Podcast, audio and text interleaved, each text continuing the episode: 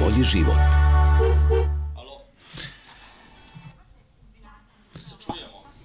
Ćao svima, dobro nam došli u Lab 76, broj 156, tu nam je i odmah gospodin Kotor. Čujemo se gospodine Kotor, nadam se da ste nam dobro. Evo ja samo da poželim dobrodošlicu svima koji su sa nama, nadam se da ste nam i vi dobro. Dobro je, dobro je, sve u redu. E, super. O, danas je još bolja slika. To, to. Da. Hvala najlepše. Mi inače imamo običaj na početku uvek da ne zamerite, malo se ispričamo, pozdravimo sve koji su sa nama, tako da... Pa to je normalno. Tako da, da, ako ne zamerite, odvojit ćemo par minuta za tu našu priču, da, da. pošto se trudimo da, jel te, delimo ljubav, kulturu, radost prema automotosportu, tako da imamo, imamo neki naš taj moment otvaranja, što kažu Lab 76 i uvek kažemo naravno ćao svima. Tu nam je inače Deki Potkonjak, ovo, ovo je gospodine Kotor standardna posada. Ćao Deki. Da. Dobro veče. Dobro, dobro veče. Mi smo motociklisti, da tako kažemo, mada smo i u formuli, ali smo i u motorima, nas dvojica, tako, Moto Grand Prix nam juža specijalnost i volimo motociklizam, tako da sredom uveče od 9 sati, to je već običaj, motorima se bavimo. Formula 1, dobro, Formula 1 sada u piku kampanje, sad se svi bave Formulom 1, ali mi ne odustajemo kada su motori u pitanju i onda i sada kada je pauza, hvala vam puno za vreme još jednom, hoćemo prosto da iskoristimo da, da ne zaboravimo Moto, Moto Grand Prix, Moto Trojke, Moto Dvojke, inače mi sve kategorije izanaliziramo, pa i Moto E, naravno, pogotovo sad sa Ducatijem, jel te? to će biti zanimljivo. Ali, Prvo da pozdravim eto publiku. Hvala svima što ste sa nama večeras. Nadam se da ćete se lepo zabaviti. Jel se igra u fudbal ponovo večeras? Da, okej. Okay. Naravno, Ali naravno. mi ignorišemo. Mi se da. pravimo da Liga šampiona ne postoji. Utorkom i sredom to su termini za Lab 76, tako da je to nama najvažnije. I naravno, standardna poruka, mazite se i pazite se i vozite računa jedni u drugima, budite dobri jedni prema drugima, uradite nešto lepo danas, prošao je neki mesec, prošlog meseca smo se bavili podizanjem svesti o, o raku testisa, prostate, momci, nadam se da ste se iskontrolisali, isproverili. U oktobru bavimo se podizanjem svesti o borbi protiv raka dojke.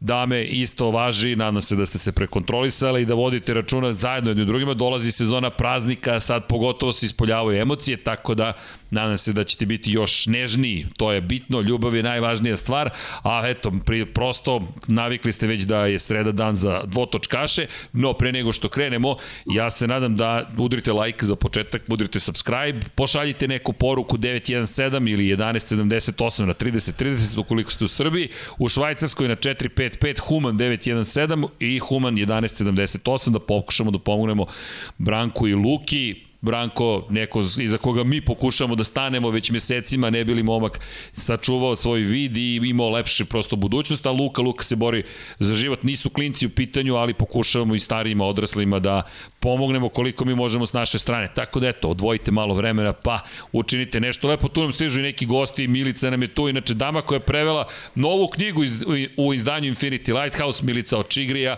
Vanja, hoćemo malo kampanja. Ne zamerite gospodine Kotor, ovo su naši sponzori, To su gledalci, pre svega ovo je, ne znam da li ste juče videli, izdali smo knjigu na srpskom, Kariho Takainen je napisao prema njegovim rečima prvu i poslednju odobrenu knjigu o Kimi Raikkonenu, svetskom šampionu Formule 1, tako da od sinoć može da se kupi u našoj prodavnici shop.infinitylighthouse.com neotkriveni Kimi Raikkonen Tako da poseban pozdrav za Milicu koja je prevela, Nevena koja je to sve zajedno s njom uredila, organizovala, Dejan koji je pokrenuo celu priču o izdavaštvu, Irena koja nas inspirisala i ove knjige koje stoje iza nas i ceo tim. Tako da eto, to je nešto što, što radimo. A inače, vama bismo da poklonimo ovu knjigu, Ovo je crveno i crno o Šumahiru je knjiga, tako da se nadam uh -huh. da mhm. ćete sada kada budete u okolini negde da ćemo uspeti da vam dostavimo knjigu. Autor je gospodin Dejan Potkonjak, pa eto, zanima nas i vaše mišljenje o, o knjizi za vas. Hvala vam puno. Molim vas, Hvala vama, vi ste omogućili da ta cijela era se desi. Zadovoljstvo je naše, da. Da, bukvalno je zadovoljstvo naše i mi smo sinoć, kada ste završili priču, rekli mi kao deca, slušali smo vas i ne zamerite ako vas malo posmatramo sa divljenjem, ali ne. prosto to je vaša reputacija. da, tako da znate. I naravno imamo još jedan običaj, ako ne zamerate da uradimo, a to su naši pokrovitelji na Patreonu, kojih je mnogo. Inače, izdali smo i knjigu o Rosiju, čekamo da izađu iz štampe, malo je kriza sa papirom, papir, nevjerovatno papir dok stigne iz Kine, to je sada ozbiljno postala drama. Jeste. Bukvalno je kriza, čak ima na domaćem tržištu, sad da ne imenujem, ali bilo je nekih momenta gde na, naši neki prijatelji nisu baš mogli da dođu do papira, tako da je to sada postalo, mi to pamtim iz nekih čudnih vremena iz 90-ih, nema papira na tržištu, šta se događa. COVID-19 se događa trenutno. Ali, eto, to, je, to su naši pokušaj, a ovo su ljudi koji nas podržavaju, patreon.com kroz Infinity Lighthouse. Inače, Brđa mi je pokazao da jedan kanal peva imena ljudi, tako da ćemo da napravimo pesmicu za novu godinu i ne zamerite gospodin Kotor, ali 105 ljudi nas podržava i na finansijski način, tako da Sava, Toni Ruščić, Mario Vidović, Ivan Toškov, koji nam je tu u studiju, Stefan Dulić, Marko Bogavac, Ozren Prpić, Marko Mostarac, Nikola Grujičić, Aleksa Vučaj, Zoltan Mezej, Zoran Šalamun, Miloš Banduka, Laslo Boroš, Đorđe Radojević, Ivan Simeunović, Mihajlo Krgović, Nena Divić, Nikola Božinović, Monika Erceg, Omer Kovačević, Filip Banovački, Miroslav Vučinić, Predrag Simić, Žorž, Stefan Vidić, Mlađan Antić, Jelena Mak, Mladen Krstić, Marko Ćurčić, Milan Nešković, Ivan Maksimović, Bojan Mijatović, Petar Elić, Stefan Privić, Nenad Simić. Imamo 22 tajna pokrovitelja koji ne žele da kažu svoje ime javno. Zatim Luka Savić, Andrej Božo, Boris Gvozden, Boris Golubar, Zorana Vidić, Luka Manitašević, Ljubo Đurović, Borko Božunović, Đorđe Andrić, Aleksandar Gošić, Mirena Živković, Nemanja Miloradović, Miloš Vuletić, Daniel Kolobarić, Vukašin Vučenović, Ognjen Marinković, Miroslav Cvetić, Marina Mihajlović, Jelena Jeremić, Antonio Novak, Stefan Milošević, Nikola Stajanović, Jasenko Samarđić, Mihovil Stamičar, Stefan Nedeljković, Zoran Majdov, Josip Kovačić, Lazar Pević, Benjamin A, Nemanja Jeremić, da žena ne sazna, Boris Kujundžić, Tijana Vidanović, Stefan Ličina, Aleksandar Antonović, Dejan Vujović, zatim Nemanja Zagorac, Đole Bronkos, Aleksa Jelić, Aca Vizla, Igor Vučković, Milan Ristić, Branko Bisački, Nenad Đorđević Vukašin, Jekić, Aleksandar M, Žarko Milić, Dejan Đokić i Bojan Markov. Hvala svima njima. Hvala svima. I hvala vama, gospodine Kotori, za strpljenje oko uvoda, ali Nema. prosto to je neko na nešto što smo mi hteli da uradimo, da se zahvalimo svima koji su uz nas i opet hvala vama, jer vi ste prosto Za nas vi ste zvezda, tako da ne zamerite ukoliko vas tako tretiramo, ali to je činjenica. Inače, za one ko- koji ne znaju, gospodin Kotor je Mada na sajtu piše, to su nas pitali sinoć, nisam stigao da vas pitam, Team Principal piše na web sajtu. Da. Vi ste šef ekipe zapravo. Jeste. Leopard Racing Moto3 u svetskom prvenstvu i vi vodite Impala tim, ako se ne varam, u šampionatu sveta za juniore, Impala Leopard Racing. Ili to je takođe pod vašim okriljem ili je to posebna ekipa koja je u, u tom šampionatu? I vi ste bivši direktor logistike Ferrarijevog F1 tima i čovek koji dolazi iz tere Mihajla Šumahera, prosto mi vas znamo za televizije kao čovek koji je čuvenu tablu na kraju kruga držao za ni manje ni više sedmostrukog šampiona sveta. Tako da dobro nam došli još jednom i to je kratak uvod i mi smo vas zvali da pričamo o Leopard Racingu. Da. I o vašem životu sada imamo puno pitanja Tako da Dejan inače, verujem, ima, Dejan vas čeka već dugo, iskreno, i mi smo virtualno pričali sa vama kad Leopard nešto dobro uradi i onda se pitamo šta bi rekao gospodin Kotor. Tako da, evo prilike da vas to pitamo, pa eto, da polako li sigurno krenemo. Vi upravljate ekipom Leopard Racinga, tim je osnovan 2015. Da. godine.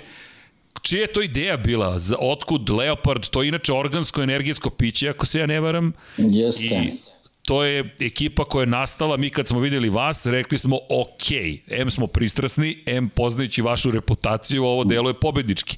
I vi ste se udružili sa Kiefer Racingom, ako se ja dobro sećam, i osvojili titulu u prvoj sezoni s Denim Kentom. Ali od otkud uopšte u Moto Trojka? Otkud, e, sad je malo duga priča, skraćemo je malo. Ne, ne Ovaj, morate što se tiče nas. Mi smo sada kao deca u poslastičarnici. Jer, e, kao što znate, dvije, krajem 2009. ja napuštam Ferrari.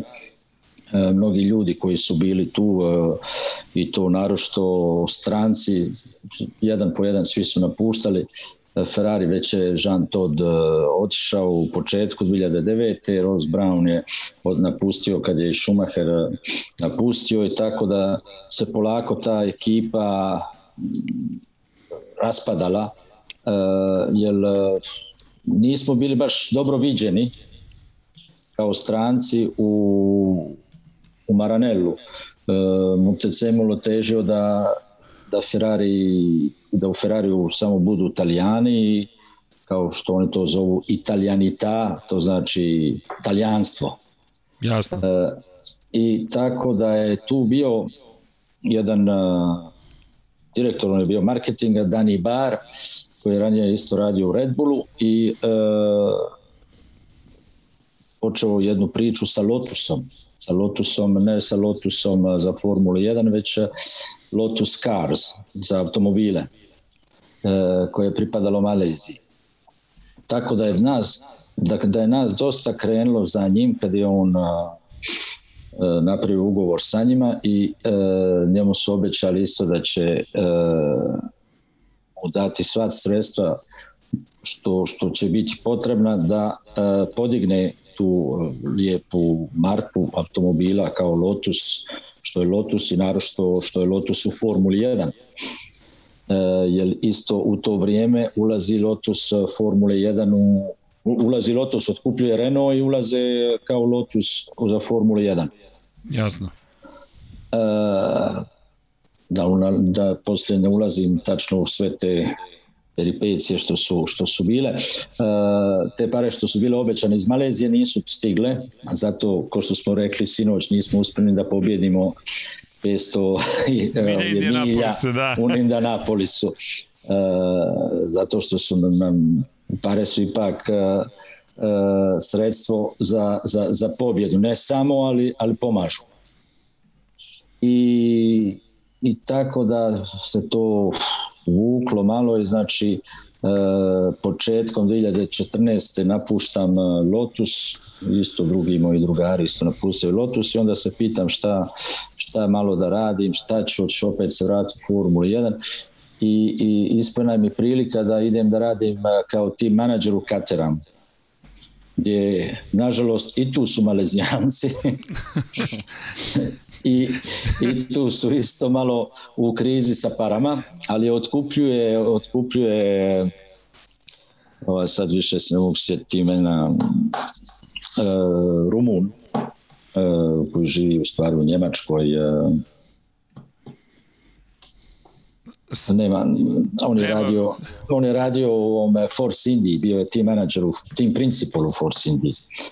I, i to se isto da desilo. Da vidimo. Da? E, tu se isto desilo da, da na kraju krajeva nismo osvojili ni jedan bod i bili su bilo problematično isto E, za, za, da imamo sponzore, da nađemo sponzore. Izvinite, ili mislite na, na, na Schaffnauera? On je rumunskog porekla, ali ni Otmar Schaffnauer, ne znam. Ne, Colin ne, Coles možda. Colin Coles. Tako. Colin Coles, da. da. Ali zanimljivo i Schaffnauer piše da je rođen u Rumuniji. da. da. da, da. Colin Coles. Dobro. Colin Coles, da. Colin Coles, dobro. Da. I znači završava se sezona, mi smo, nismo išli u Ameriku, nismo imali mogućnost da idemo, ali završili smo ipak sezonu u Abu Dhabiju i tim se zatvorio. E onda sam se baš razmišljao, rekao, šta sad da radim? Opet, hoću opet u Formuli 1. Onda sam opet imao neke kontakte, možda da se vratim u Ferrari, pošto je Ferrari počeo da vraća ljude. Videli su da, ali rekao, Ne može ne, bez benzina ili šta? Da, ne, ne, nisam imao tu više tu, tu volju da, jer je bilo stvarno naporno ti naporni ti 17 godina koji sam proveo u Ferrari, rekao, se budem vratio na isto mjesto i logistiko, ono, nešto drugo možda, ali, ali za logistiku ne. I, ali umeđu vremenu imao sam, imam jednog dobrog prijatelja koji živi u Luksemburgu, on je imao e, tim e, biciklista koji se zvao Leopard Trek Ja ne znam, jel se sjećate ili pratite Pa Leopard, pratimo mi, ali još uvek postoji, ako se ja ne varam, ekipa Leopard Cycling, e, sad ispravite me ako grešim. Postoji još samo za juniore. Aha, okej. Okay. Dobro, ne pratimo toliko, mada imamo neki ljudi koji baš prate da. biciklizam. Da, to su da. naše kolege koji žive u Nemačkoj konkretno. Oni su povremeno tu i inače smo njih uspeli da nate, ne nateramo, ali da ih navedemo da se zaljube toliko u ideju da posete Moto Grand Prix da su gledali u Nemačkoj trku i bili potpuno raspamećeni šta su gledali. Iako nije bilo publike pa su stajali zapravo pored ograde, ali kaže zvuk je bio magičan. Ovaj, da, po, postoji, postoji ovaj, još, još dalje nastavljaju. To isto uh, pripada tome mom prijatelju i oni su isto u istoj u istim birovima gdje smo, gdje smo i mi kao Leopard Racing. Uh, to je ista ta grupa. I on mene zovne, to je bilo negdje u decembru. Kaže, pošto mi se čujemo stalno, su, kaže, znaš šta, ja organizujem jednu ekipu Moto3, trebaš mi. Rekao, znaš šta, ja, ja, ja, ne, ja nemam ni položeno za motor. rekao, ne, ne, moj, ne moj mene, što ne, ne mogu. Rekao, ne, ne, ne, ne boj se, mi smo već uh, spostavili neke kontakte sa, sa jednim timom, sa Kiferom, uh, sad ćemo da budemo sa njim, pa ćemo otkupiti tim poslije bit ćemo samostalni, samo ti dođi, već imam ljude i rekao, mogu ja doći, možemo sastati, pa, pa ćemo da popričamo, da vidimo e, kakva je situacija. Onda se tu sretnem e, sa par ljudi i to je bio isto tu ovaj Christian Lundberg, on je znači već, e, već bio u timu. Pilote još nisu imali, znači sve još nako... U vazduhu. U vazduhu. Ali, ali volja je bila velika rekao, kad smo se vratili u kući, pričali smo s njom, se vratio u kući, sad rekao, ne znam, ono, opet se čujem sa Kristijanom, tu da tada sam ga prvi put uz, ovaj, uh, upoznao, rekao, aj ti meni objasni sad te trke i taj Moto 3 i kako to sve ide, ovo ono, da smo imali dugu, dugu priču. Ja onda nazovem uh, posle tog mog prijatelja, rekao, ok, ajde, idemo. Idemo i tako oni su bolje bili upućeni naravno od mene znali su koji su piloti bolji koji bi mogli da uzmu. Dobro nije bilo ni, ni dosta ni, ni, ni prilika jer je to bilo već kraj sezone. E, bio još malo slobodan Olivera bio je tu nije bio potpisao ali na kraj krajeva mislio je da naš tim neće biti dobar i onda je naravno možda bi titulu osvojio. Možda bi da. Ovako je vice šampion bio. Da da. I tako je to krenulo ovaj, sa, sa Kiferom. On je imao neke svoje ljude, Kristijan je doveo Lundberg svoje ljude i tako da, da smo počeli tu prvu godinu 2015 bez nekog velikog očekivanja u stvari, jer e, Kent e, nije baš bio najbolji pilot, bio je išao u Moto2 pa se vratio, pa nije se znalo ovaj, šta sam Da, da, da vas pitam, izvinite, Christian Lundberg, on je dan danas tehnički direktor, to Jeste. je čovek koji dan danas jedan od najvažnijih ljudi u okviru ekipe, kako mi vidimo da. to sa strane. Da, iz da. perspektive, jer njeg, mi malo, malo njega vidimo u kadru zapravo, dobro, vidimo vas, vidimo Masima Virginija, je tako? I, da. i to, to je neka ekipa koja najčešće se tu nekako pojavljuje, ali Christian Lundberg, koliko smo mi razumeli, iz perspektive poznavanja i motocikala i motociklizma je taj čovek koji je neka centralna figura u kontekstu samog trkanja. Tako smo mi videli, tako da on i dan danas igra veoma važnu ulogu u ekipi, ako mi pa, dobro razumemo. Pa svako igra jednu važnu ulogu, ali on igra uh, veliku, ve, veliku ulogu u tehničku ulogu. To, to, to. Uh, jel, uh, jel moja, moja je uloga da ja da ljudi rade zajedno, da, da se spajaju, da se sporazumiju, da vidimo šta, šta treba i, i ko što sam i sinoć rekao, da, da ništa ne fali u timu, da, da je sve u redu, da svi mogu da rade bezbrižno a njegovo je, njegovo je da, da nam napravi motor i da ga da, da bude da, najbrži. Da bude, eto, da bude najbrži i najbolji. To je, to je njegova uloga što, Idemo što od ruke, vrlo da, dobro ide, radi. Da, da, da. Idemo od ruke. Ja. Dosta su brzi. pa dosta su brzi, evo, pa, pošto vi pitate, vi sigurno ćete postaviti pitanje, zašto su brzi, zbog čega su brzi.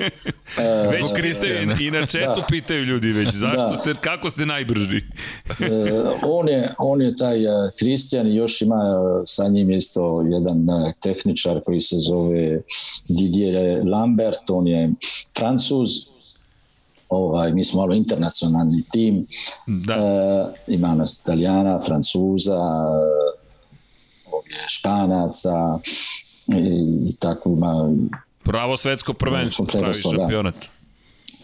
ovaj, o, sigurno će vas zanimati ovo što ću vam reći. Kristijan, na primjer, uh, on je živio u, sve do prošle, sve do 20. početkom 20. u Barceloni, onda se preselio u Rim, jer je ranije živio isto u Rimu. I sad se preselio i on je uzeo jedan od naših motora i preko cijele ove pauze stavio ga u kuću kod sebe u kako se kaže u U stan, u, u, Ne znam, u, u garažu. u, u salon ovaj U, u salon, U salon, gla- da. u dnevnu, sobu, sobu, u dnevnu, sobu. U dnevnu, eto, u dnevnu sobu. Stavio ga u dnevnu sobu i on je do, do početka sezone radio na motoru da vidi gdje bi mogao nešto da napravi kako. Ja, ja mu kažem, ba Kristijan, pa oterat će te žena, ne, ne možeš to da tako da radiš. Ne, ne, kaže, ja to moram, kaže, i naravno da, da u takvim situacijama, znači čovjek koji je stvarno zaljubljen u to i, i stvarno gleda svaki detalj, da, da naši motori e, sigurno bolje idu, u stvari bolje idu od svi ovi drugi ondi. Sad, da, da, KTM e, i oni mnogo rade, ali oni, oni, su, oni, oni su fabrika, mi nismo. Ovaj, mi smo privatnici. Da, vi ste privatna ekipa do Honda, iako ima svoj tim Azije, ne vidimo da je tako, to sad bismo Povezano, volili vas da. da. pitamo to, upravo to, jer ono što mi vidimo, KTM je vrlo prisutan i aktivan na sve moguće načine i u svim svojim timovima.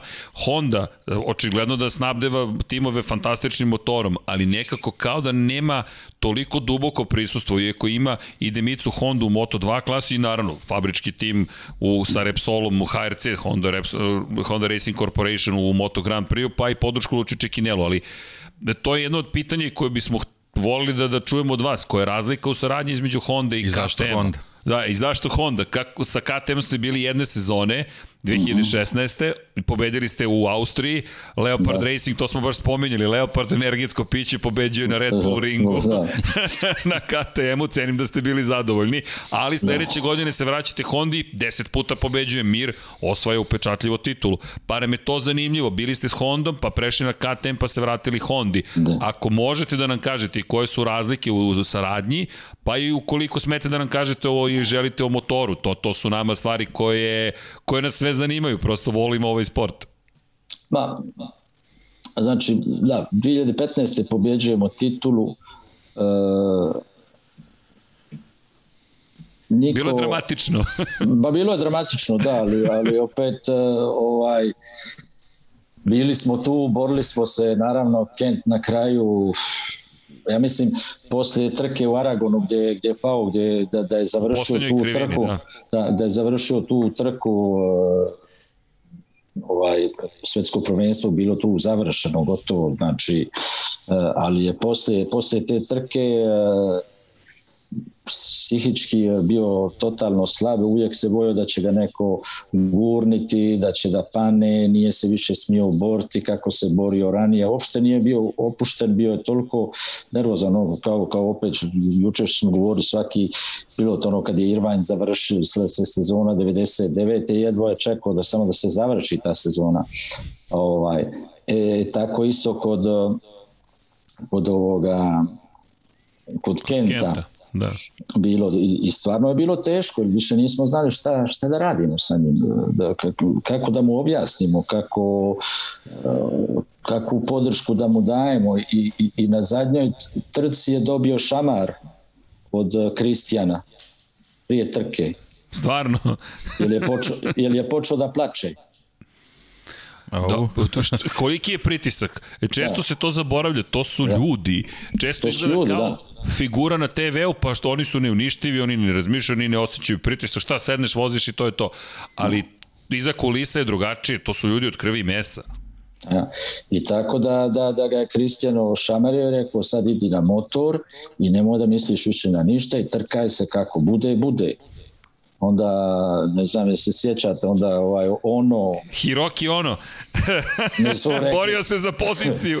Da borio za rekli su mu budi daleko od njega ako možda pomogneš ako vidiš da ćemo ti signal ovaj da, da, da, da staneš jer ako si ispred njega ako gubi, ako gubi jedan bod ili dva ti mu možda pomogne ne, on je samo kružio oko njega kao.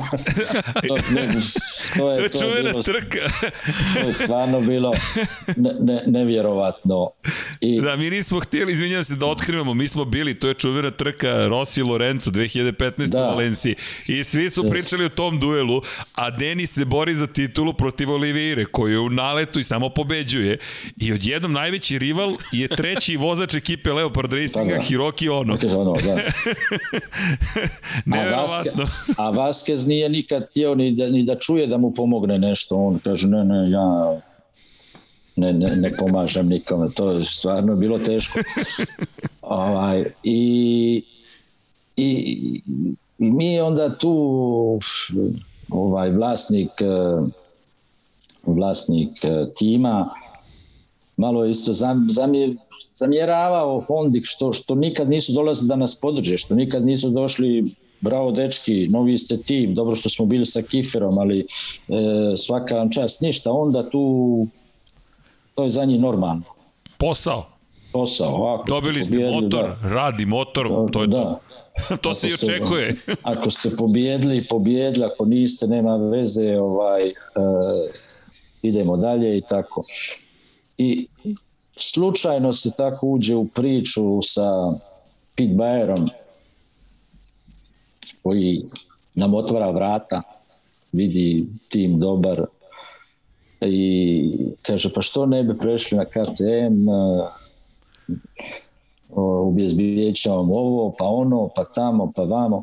Sve samo da da ne budemo sa ondom jer smo im smetali A, Dobro, to je jedan od načina da se pobedi protivnik. Eto, smo im smetali, a, a sad im isto smetamo. Šteta što ove godine nismo pobjedili, ali bili su... Ovaj, bilo je dramatično. Da, da, nije im baš bilo uh, sjajno ovaj sve i nije mi jednostavno. I tako da pređemo, pređemo ka Patijem, ali tu, tu isto, evo, posle možemo pričati e, problematike koje su se poslije e, te odluke, e, koje su došle poslije te odluke, mi smo već izabrali sve vozače. E, da. Znači dolazi nam Quartararo, dolazi nam Mir, Locatelli, znači mi Locatelli je slučajno smo ga uzeli tražili smo trećeg vozača, znači nije, nije nam bio kao prvi vozač, već prvi vozač nam je bio Quartararo, pošto je on već godinu dana vozio uh, u Moto3, uh, pobjedio je ovaj Čev, Da, on je dva puta osvajao titulu dva, u, u, u šampionatu i bio velika zvezda. On je sa Zvezda. Wild Wolf Racing osvojio prvu, pa je otišao da. u, kod Emilija Alzamore je otišao, otišao je zapravo da vozi za ajde Estrelju Galiciju. Galiciju, da, koji je da, to je, to je Monlau Competition, oni su da, da. velika da. kompanija u Barceloni pa, ja. i on je tad prešao i trebalo je da osvoji titulu. Tad su primenili Quartararo pravilo da osvajač titule u španskom šampionatu da može, može da vozi mlađe 16. Da, da, da. Tako je. Ali se on na kraju sezone razišao od Monlau Competitiona i prešao kod vas. Da, kod nas. Fabio koji je sada šampion Moto Grand Prix-a, da. Mir koji je bio šampion Moto Grand Prix-a da. i Andrea Locatelli koji je svoju titulu u švedskom šampionatu Supersportu. Da. I, I, tako da dobar vam je casting u da, svakom da, slučaju. Da, to, to nas zanima. Ko, ko, ko kaže ovo će biti naš vozač? Kod da. koga je ta odluka? Pa dobro, da, da, dobro, možemo o tome posle pričati. Ali, možemo, da, da, da, da, razmišljamo da, sve. I, I tako da e, imamo tri, tri vozača s kojim smo potpisali ugovore da će imati on.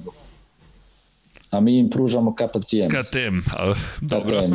E, naravno, prije nešto što ćemo baš ono potpisati sa KTM-om, pričali smo sa, sa menadžerom, jer najbitnije bilo sa ovim menadžerom od, od, od Kvartarara da pričamo, jer Mir, Mir, mi smo ga podržavali u ovome ne znam kako kod vas kažete, se, Čev, se, No, pa, ci, pa, Cijev, to, mi ga zovemo svetski, to zovemo ga šampionat Španije nekadašnji, Da. a sada Da. je to svetsko juniorsko Juniorsko, da. Pa da. O, ovaj, jer mi, jer mi smo ga pomagali, znači odlučujemo faktički ako hoćemo na Ondu, ako hoćemo na, na, na KTM i tako.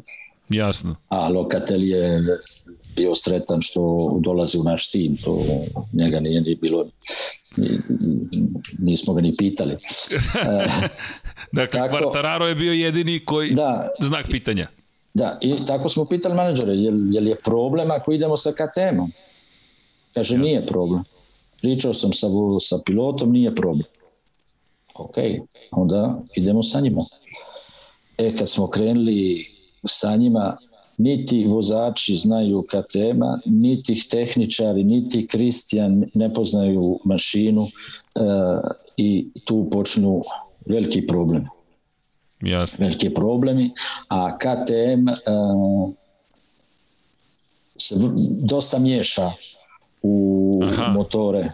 Znači dolazi i kaže ovako treba setup, ovo treba ovako, jer ovi drugi rade ovako, uh, vi morate ovo da pratite i da je došlo poslije do kad smo bili, ja mislim, u Njemačkoj, da smo i istjerali iz boksa i rekli "Vi- više nećemo nikoga.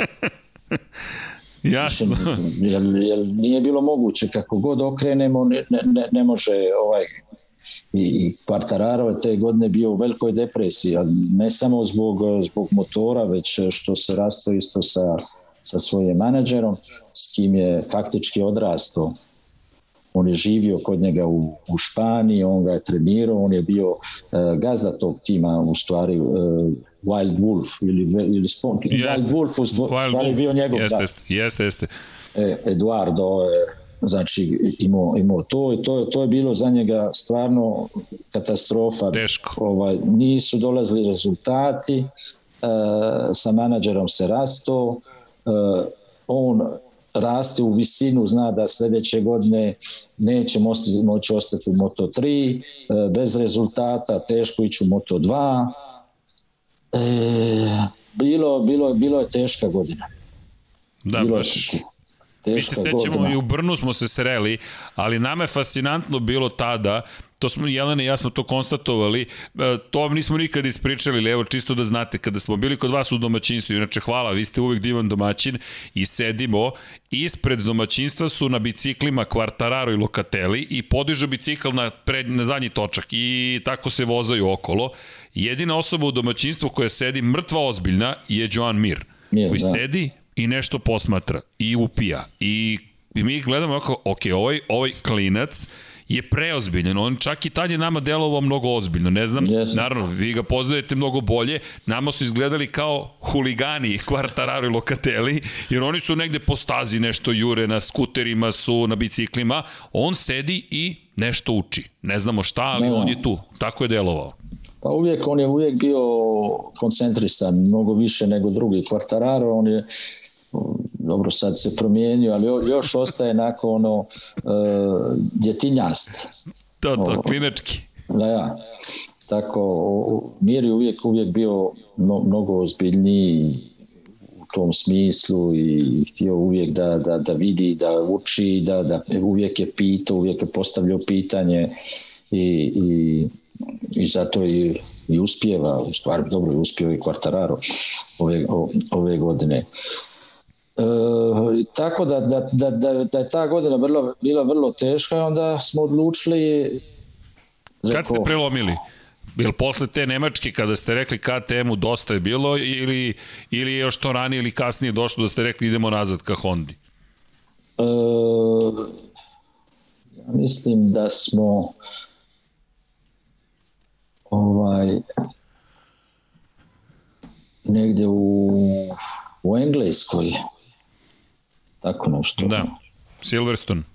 u Silverstonu sad ne znam datume tačno ovaj, kad su bile trke u Silverstonu smo rekli To je kraj avgusta, početak Da. septembra obično. rekao moramo, moramo se vratiti onda. Ali problem je se vratiti onda. Onda, onda se naljutila na nas. Dobro. I to isto, i to isto sad problem. Uh, jer ja se sjećam kad sam uh, dolazio u, u Aragon, uh, sretnem Nakamotara u Barceloni na aerodromu i oni su znali da se muvamo, da idemo sa KTM. On, on me moli da ostanem. Moli me. Uf. A, to je bilo vrlo onda teško. Ovaj, pričao sam sa, sa vlasnikom a, ovoga tima, rekao šta da radimo, moli me, on, on isto tvrdoglav, kaže ne, ne, idemo, idemo. A i meni je isto prva godina, prva godina u, u, u, tim, u tim trkama sa motorima, ja sam to uspoređavao malo kao u Formuli 1, ali, ali to je sasvim, sasvim drugčije. U, jel, jel, na primer, kad, kad sam ja bio u to vrijeme, kad, kad smo davali motore Red Bullu, da. Red Bull je radio šta god je htio s tim motorima. Red Bull nije govorio strategiju svoju, nije nam nikad govorio koliko benzina će stavljati, kako će krenuti, šta će raditi. Platili su motore i rade šta hoće. Dobili su o, motore. Da, dobili su motore. Mi ovde plaćamo, ali ne radimo kako šta hoćemo. To je to je malo, to je malo čudno. pa ja, to je malo čudno. A isto što što u to vrijeme isto nisam baš da razumio da, da svi piloti su tada, jer je onda bila najbolja, svi su htjeli da idu u. I mi smo malo tu bili možda prepotentni, malo i možda i Kristijan, ja isto koji nisam razumio, uh, Massimo Vergini koji je on, on se okupira više oko, oko financijski poslova, ali je, ali je isto, isto dugo godina u, u MotoGP. Oni mi nisu, nisu uvek govorili, ja sam posle, posle kad se završila sezona pa rekao, dečki, pa vi, vi znate gdje, gdje smo kud smo krenuli, pa šta, što, što niste, a pa to je htio Flavio, to znači naš ovaj, vlasnik tima, pa smo morali, rekao, pa nemojte talijanska posla da, da, da radimo, to je ovaj, ozbiljna stvar da smo ostali sa Ondom, imali smo dva šampiona, bili bi prvi ili drugi, ili drugi ili prvi. Jasno. I to, nema to, smisla, nema logike. Ne, pa, nema logike. I, I tako da smo polako, polako, imao sam prijatelja iz Bridgestona koji je radio sad za, za Dornu Jazukawa, Ne znam, jel se sjećate? Sjeća. Ja. Sticam okolnosti. Da. Pošto sam studirao japanski, onda kažete dobar dan na japanskom i svi oduševljenje potpuno. I onda sam taj da. trik sa njim upotrebio, rekao e. dobar dan na japanskom. Da, on, on je bio odgovorni za, za Bridgestone u Formuli 1 i došao u, u Dornu i ostali smo vrlo dobri prijatelji i tako da sam mu malo objasnio situaciju uh, i on je išao išao kod tije svi Japanaca i objašnjavaju su oni mene zamrzli.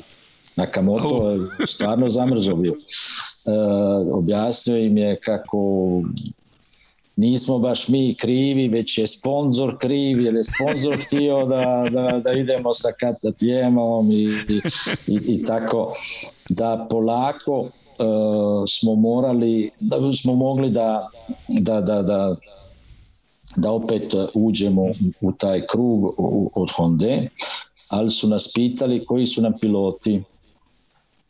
Rekao Mir i trebamo da uzmemo Martina. Martin. I Martinu mi bi napravili već predgovor. Ima ovaj njegov menadžer, ovaj Albert. Jasno. I, I pita nas Albert, Kaže, jeste sigurni sa ondom da može Martin da dođe kod vas? Što? Ne može tu, šta, šta onda ima sa nama?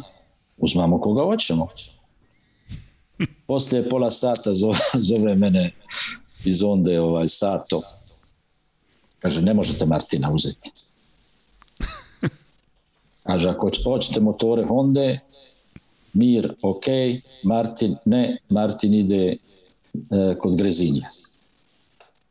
Oni su tada poslije ćemo doći do toga kako su i, i oni radili, što sad radi KPTM, što radi KTM, što biraju pilote, stavljaju i, i, i, i, i najbolje... I s kim sarađuju. I s kim sarađuju tako. E, sad je problem, sad je problem opet objasniti ovome e, vlasniku da ne možemo da uzmemo ovoga, a on isto nagal, napora. E, rekao, ne možemo uzeti Martina, on, ba, ba, vraćamo se u KTM, opet neko, ne može, ne može. Rekao, ako se vraćamo u KTM, neće mir više da ostane sa nama. Jer je Mir rekao, ako, ako, idem, ako ostajete sa KTM-om, ja idem u KTM kod Ajo. jasno, kod vrlo jasno. Pa ja, kod Akija. A ako imate Ondu, ostajem sam. Znači, situacija je komplikovana. I onda nam kaže, znači, to je, to je bilo vrlo krajem sezone, ova, isto negdje u Aragu. E, kaže, imate sat vremena da nam kažete pilota. Pilota. ok, gde da nađemo vozača sat? gde, gde, ga, gde, ga, gde ga, da ga nađemo? A, i, i, I to su nam rekli kad se završila trka. Zavr, u stvari, ja, ja sam već bio na putu. Idem na aerodrom. Gotovo. Gotovo. I kaže, zove mene, u Virginiji, on je još ostao na stazi, kaže, došao sat, o, hoće da odmah pilota. Šta ja znam? Rekao, i, i razmislit ćemo. I on isto krene. Virginiji. Sato zove, kaže, jedan od vas treba da se vrati, jer su svi tu šefovi od Honde i odlučujemo.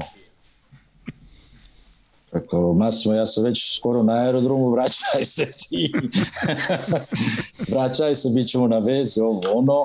Zovem Kristijana, Kristijan, šta ćemo, koga ćemo, koga bi, koga, ko je slobodan, ko je dobar pilot, ko je, to je brzina. Ko, ko, I tako odlučimo da uzmemo Olivia Loja.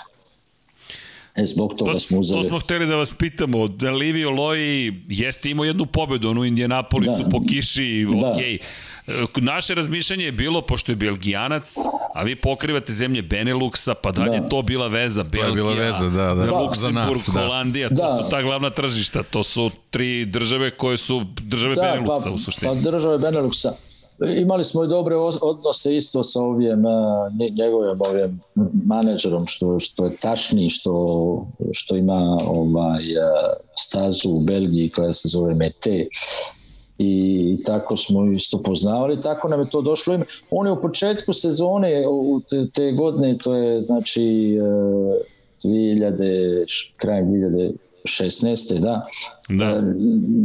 bio vrlo dobar bio je dobar ono u početku sezone samo što je poslije oslabio i bio je u lošem timu i nisu imali e, ljudstvo koje treba i onda smo pomislili možda, možda može se nešto da se napravi da se napravi. I moglo bi se napraviti, ali jedino e, kad smo išli na, na, na trening prije, prije starta imao je, imao je veliki udes. Pao je e, u u, u Džerezu. Je, da, Jerez je obično za moto da. trojke i moto dvojke, to, da. ta test. Pao je Asno. tu i, i teško je bilo posle da se vrati. Jer, bio je stvarno, imao je dobre, dobre ove kronometre, kako kažeš, ove krugove, bio je bio stvarno tu kao i mir otprilike.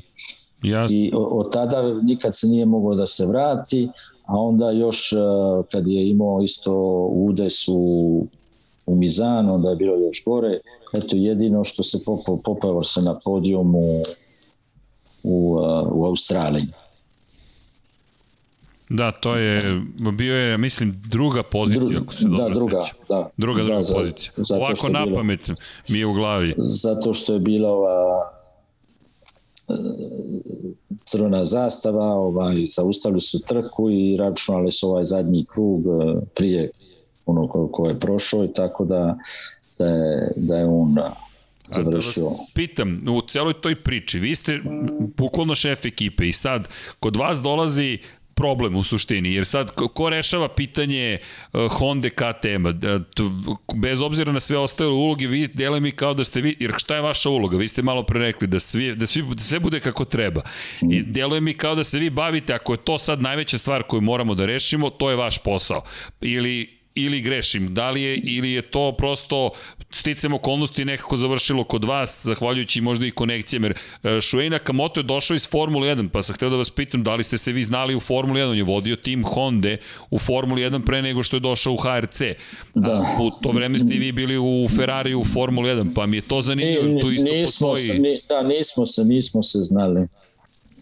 Ne, nismo se znali. E, mi smo njih isto, isto što nas je ovaj malo razočaralo sa njihove strane e, ovaj kad je Mir bio u tom juniorskom e, prvenstvu e, da. imao je vrlo slab motor, imao je neki motor, ovaj šasi je bilo ovaj Yoda, Uh, da, i ovde to... projekat, to, to, je, to oni su i motore svoje pravili. Da, u, to je Džempero Saki vodio. Saki, da, to je Saki vodio. Ovaj, i, i, i, uh, i bio je u jednom timu Machado koji nije bio naš baš naj, naj u stvari najbolji, nije bio uopšte dobar, ali dobri su ljudi, ali nisu imali uh, sredstva uh, koja, koja su bile potrebne za mire. I mi smo tražili od Nakamoto da. da nam dozvoli da nam da e, motore od Honda i da nam pomogne e, platili bi sve i on, oni su e, rekli ne, ne može. Ne može, to nije ne interesuje uopšte.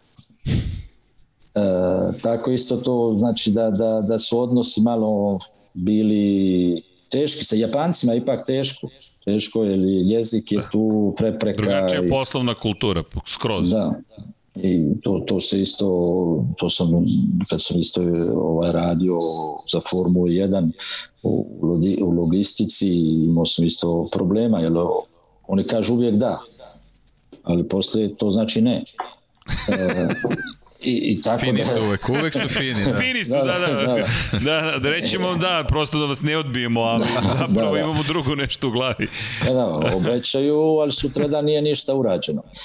I tako da, Da, e, pa to nije, nije da, da, da je meni palo, već to, to, je, to je moje... To je posao. To je dio posla.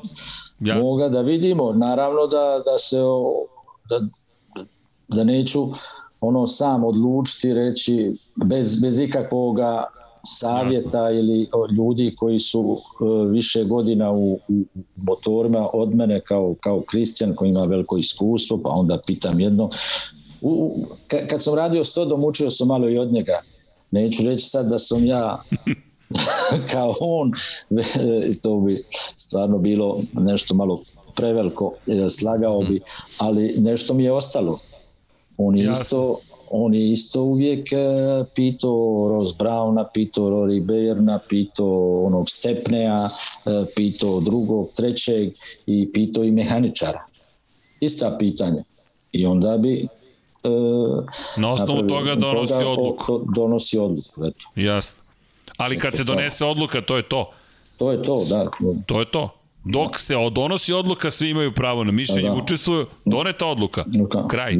Odluka i, i odgovornost prelazi na onoga na koga treba da pređe, da. da. Pa, na, naravno.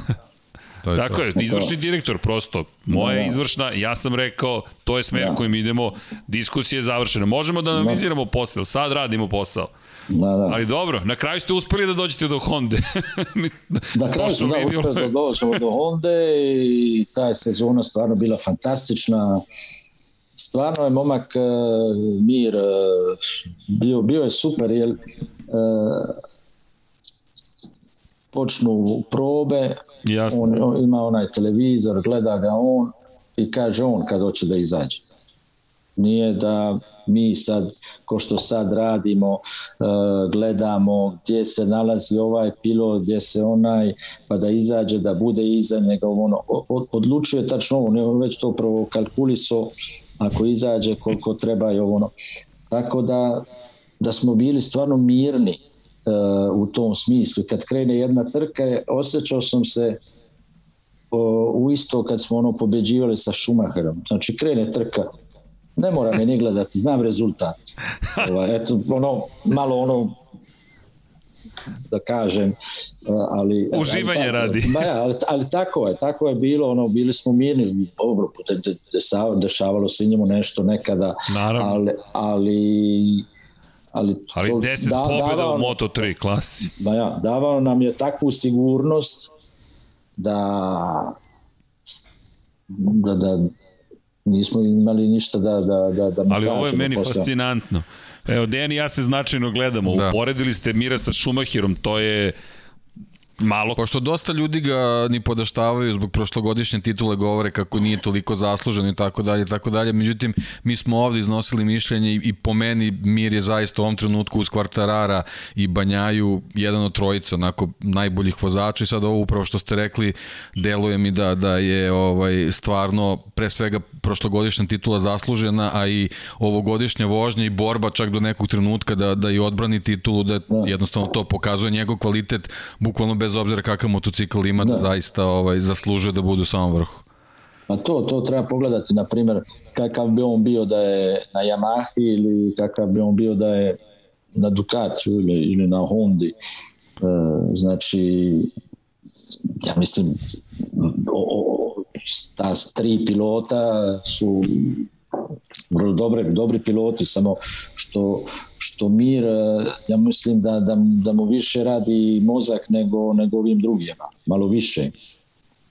Neć, nije to ništa pe, pe, pežorativno, što, jasno, što, jasno, jasno, govorim, da. već... E, to spada u stil vožnje u stvari. Da, malo veći kalkulator. U tome ja sam ga baš pitao jedan puta kad je, kad je bio u Moto2 rekao pa gdje, gdje misliš da ideš o, što, što, jer su ga tražili isto u Hondu. I on mi rekao kaže neće ja da, da budem onaj koji donosi to se kaže tako na talijanskom malo vodu uh, o da. Markezu. Vodonoša. Vodonoša. Da, da, vodonoša kaže neću. Kaže idem u drugi tim gdje, gdje ću ja biti prvi gdje ću ja biti lider gdje ja hoću I, Jasno. I izborio se za to. I izborio se za tu titulu i svaka mu čast. To, ljudi, on je šampion sveta Moto Grand Prix-a. To da. se ne postaje slučajno. To, to, to, to, to, nema to slučajnosti. Čovjek je uradio najbolji posao. Jedna pobjeda. Jedna pobjeda. Sve, sve i dalje ok. Deset ih je bilo u Moto 3. Zar to nije znak Zato što trebalo da ih Tako bude. je trebalo da ih bude. Da, bude deset. Da, da. A i drugo, i tu je pokazao, meni je ovo fascinantno što nam sad govorite, da on čovjek sam bira kada je tad birao kada će onda izađe na stazu. Da, sad da on, to je kolika je to i koji, koji je to nivo zrelosti. I koje je to olakšanje za ekipu, za, za, da, Tako je. za, za čitavu organizaciju da. nastupa na trci, od taktike svega, kad imaš takvog vozača. Yes. Da, da, velika da, da, koliko, mnogo, mnogo, mnogo lakše, mnogo lakše, jer uh, on bio je drugčiji od, od ovih svi pilota što, što vidim. Uh, vrati se sa staze i govori šta mu ne ide, šta mu ide, e, kako, vrlo je precizan u onom što će donijeti e, kao, kao informaciju inženjerima. E, deša, dešavalo se ovaj da, da, da da nam piloti vraćaju sa staze i govore i ovo ne valja i ono i tamo i vamo, ništa mu ne valja i pošaljemo, promijenimo ono što je rekao, uh, opet ne valja. I bude još gore. bude još gore. Onda kad se vrati Kristijan, ja Kristijan govore, kaže Kristijan, e, kaže sad neću mu ništa promijeniti, ali reću mehaničaru kao da radi malo na tome kao da mu nije. Pa ćemo da vidimo. Pa ćemo da vidimo. I, i pošaljemo ga na stazu. Kaže, mnogo bolje. to je prava igra, svaka čast, da. da. Eto, glava, bolje. glava, znači, psihologija. Glava, psihologija. To, to je to. Ali to je nevjerovatno. Ponekad... Ili šamar ili blef. Eto, a ja. Da, ponekad nam gledalci ni ne veruju da je to da. moguće u svetskom prvenstvu, ali nema veze koji je nivo, ljudi su i dalje da. ljudi. a ljudi su dalje ljudi, a i to su uh, djeca oni su mladi, 17, 18 godina, ja, ja isto imam djecu, dobro, imam i čerku od 18 godina, to oni još nisu zreli kao ni Jasno. ovi drugi što, što, što, što imaju 24 ili 25, i, na primjer. Znači, teško je, tu isto treba psihologija. Svaki put treba sa njima biti ovaj babysitter. Da, da, pa da. jeste. A, a da vas pitam, da, s obzirom na činjenicu, vi ste u 2000 14. de facto 2015. ušli u Moto Grand Prix i. Da. u ceo taj cirkus, da ga tako nazovemo. Bili ste u, u formativnim godinama moderne Formule 1. Vi ste 1992. ušli u Ferrari, ako se ja dobro sećam. Treće. Dakle, treće, dakle 1993. To je period Žana Lezi, Gerhard Berger, to je dve godine pre nego što Schumacher potpisao, stigao, pa sve te promjene, tad nastaje onaj čuveni klub Pirana, Flavio Briatore, Benetton i tako dalje. I sad, da li vam se čini to Dekijeva teorija da šampionat, jer ne, ne pričamo toliko o Moto Grand Prix koliko i o Moto trojkama, Moto Grand Prix ide polako ka tom tehnološkom razvoju, pre svega da liči na formulu, pa i vozači da, u Moto3, da li se već osjećaju kao zvezde kada stignu do svetskog prvenstva? Jer sad kažete babysitteri, nekako se i nama čini da se promenilo, da su oni već sada moraju da budu ultra profesionalni kada stignu do svetskog prvenstva. Pa moraju, da. Pa promijenili se i oni. Ovaj, Ja sam bio prijatelj, do, dobar sam prijatelj, ne bio sam dobar prijatelj sa René Arnoux i sa Jacques Lafitteom, jer se viđamo ponekad ovde u Parizu. E, Fascinantno. to su bili sasvim drugi vozači. Jacques Lafitte da. men priča, on kaže, ja sam došao, kaže, u, u Monte Carlo na stazu u pidžami. danas, zamislite danas u pidžami e, neko da dođe. E, to, to ne, znači svaki, svake godine jer e, se više više e, postoji taj, taj profesionalizam jer su u pitanju isto vel, velike pare, nisu ovo više to kad su izvali garažisti, ova kad je garažu da, mo, da, da. pa napravi automobil ide da se trka na Formulu 1 i Frank Williams, poslednji Frank garažista, Williams, da. Da, da, da. Do, dovoljno da napravi jedan krug, dobije pare i pa će poslije ići da na drugu trku, pa ja. I, i, i tako. E, sad, sad isto u Formuli 1, ovaj u MotoGP, sve više i više su profesionisti i traži se isto sad i od mladije koji su Moto3 da budu profesionisti, da budu ozbiljni, jer imaju taj social network eh, koji da. gleda i moraju da se ponašaju. Eh, lajkovi. Treba, lajkovi. Sve je to potrebno. Mi eh, u stvari ja, vi ste, vi ste mlađi, ja mislim... hvala vam, hvala. Lomi se rezultat. o, ovaj, ali za, za, za mene je to malo čudno što što je sve ovaj na, na tim social networkom uh, nije više kao ranije. Znači moramo da se adaptiramo tome kao što moraju oni ovaj da, da, da uđu u tu, u tu igru jer svako, svaki period ima, ima ono svoje vrijeme nije više dovoljno za jednog sponsora da stavi stiker samo na, na automobil ili na, na motor, hoće nešto više. Hoće engagement. Da, da, da, da kompletno da. angažovanje treba. Da, da. Da, da. To je reč, engagement je ključna da. reč. da, ja. E to je, to je, mijenja se, mijenja se i ekipe, ove timovi iz Moto, MotoGP uh, su, možeš reći, kao ekipe Formule 1 uh, 2010. 12. Eto, jer su Daj. ipak sad ove, ove, ove zadnje dvije godine nisam bio na Formuli 1 zbog covid ali bio sam ovaj, 2019. unutra se dosta promijenilo ovaj, u, u boksu i to ja mislim izgleda kao da da se šalje ova raketa naza na, na, na mjesec. Stvarno toliko se to to postalo tehnički, tehnološki, da, da. tehnološki, da. E tu isto motori su isto idu na taj, na taj nivo u tom pravcu stvari. Jasno, pa to mi prosto posmatramo sa strane, vi to vidite i iznutra, vi znate koji su zahtevi jedne ekipe, jer evo ima dosta pitanja tu, imamo mi neku, neku na neki naši da, da, slovi su, da, pa jedno, pa čujte, ima, ima par pitanja u suštini, svodi se oko budžeta, svodi se oko toga, za Leopard mnogo ljudi nije čulo na ovim prostorima i da. Leopard i kao, pričali, pitali smo me svi pre par godina, hoće li se paviti na ovim prostorima, ali koliko god da volimo ove prostore ne vidimo tržište, a, a to jeste vrlo, to odatle sve kreće, jer treba se izboriti i sa Red Bullom, i sa Monsterom, da. i sa... Pa dobro, nekim... tu... Da. Leopard, u stvari, uh, Leopard prvo nije bilo piće. Da.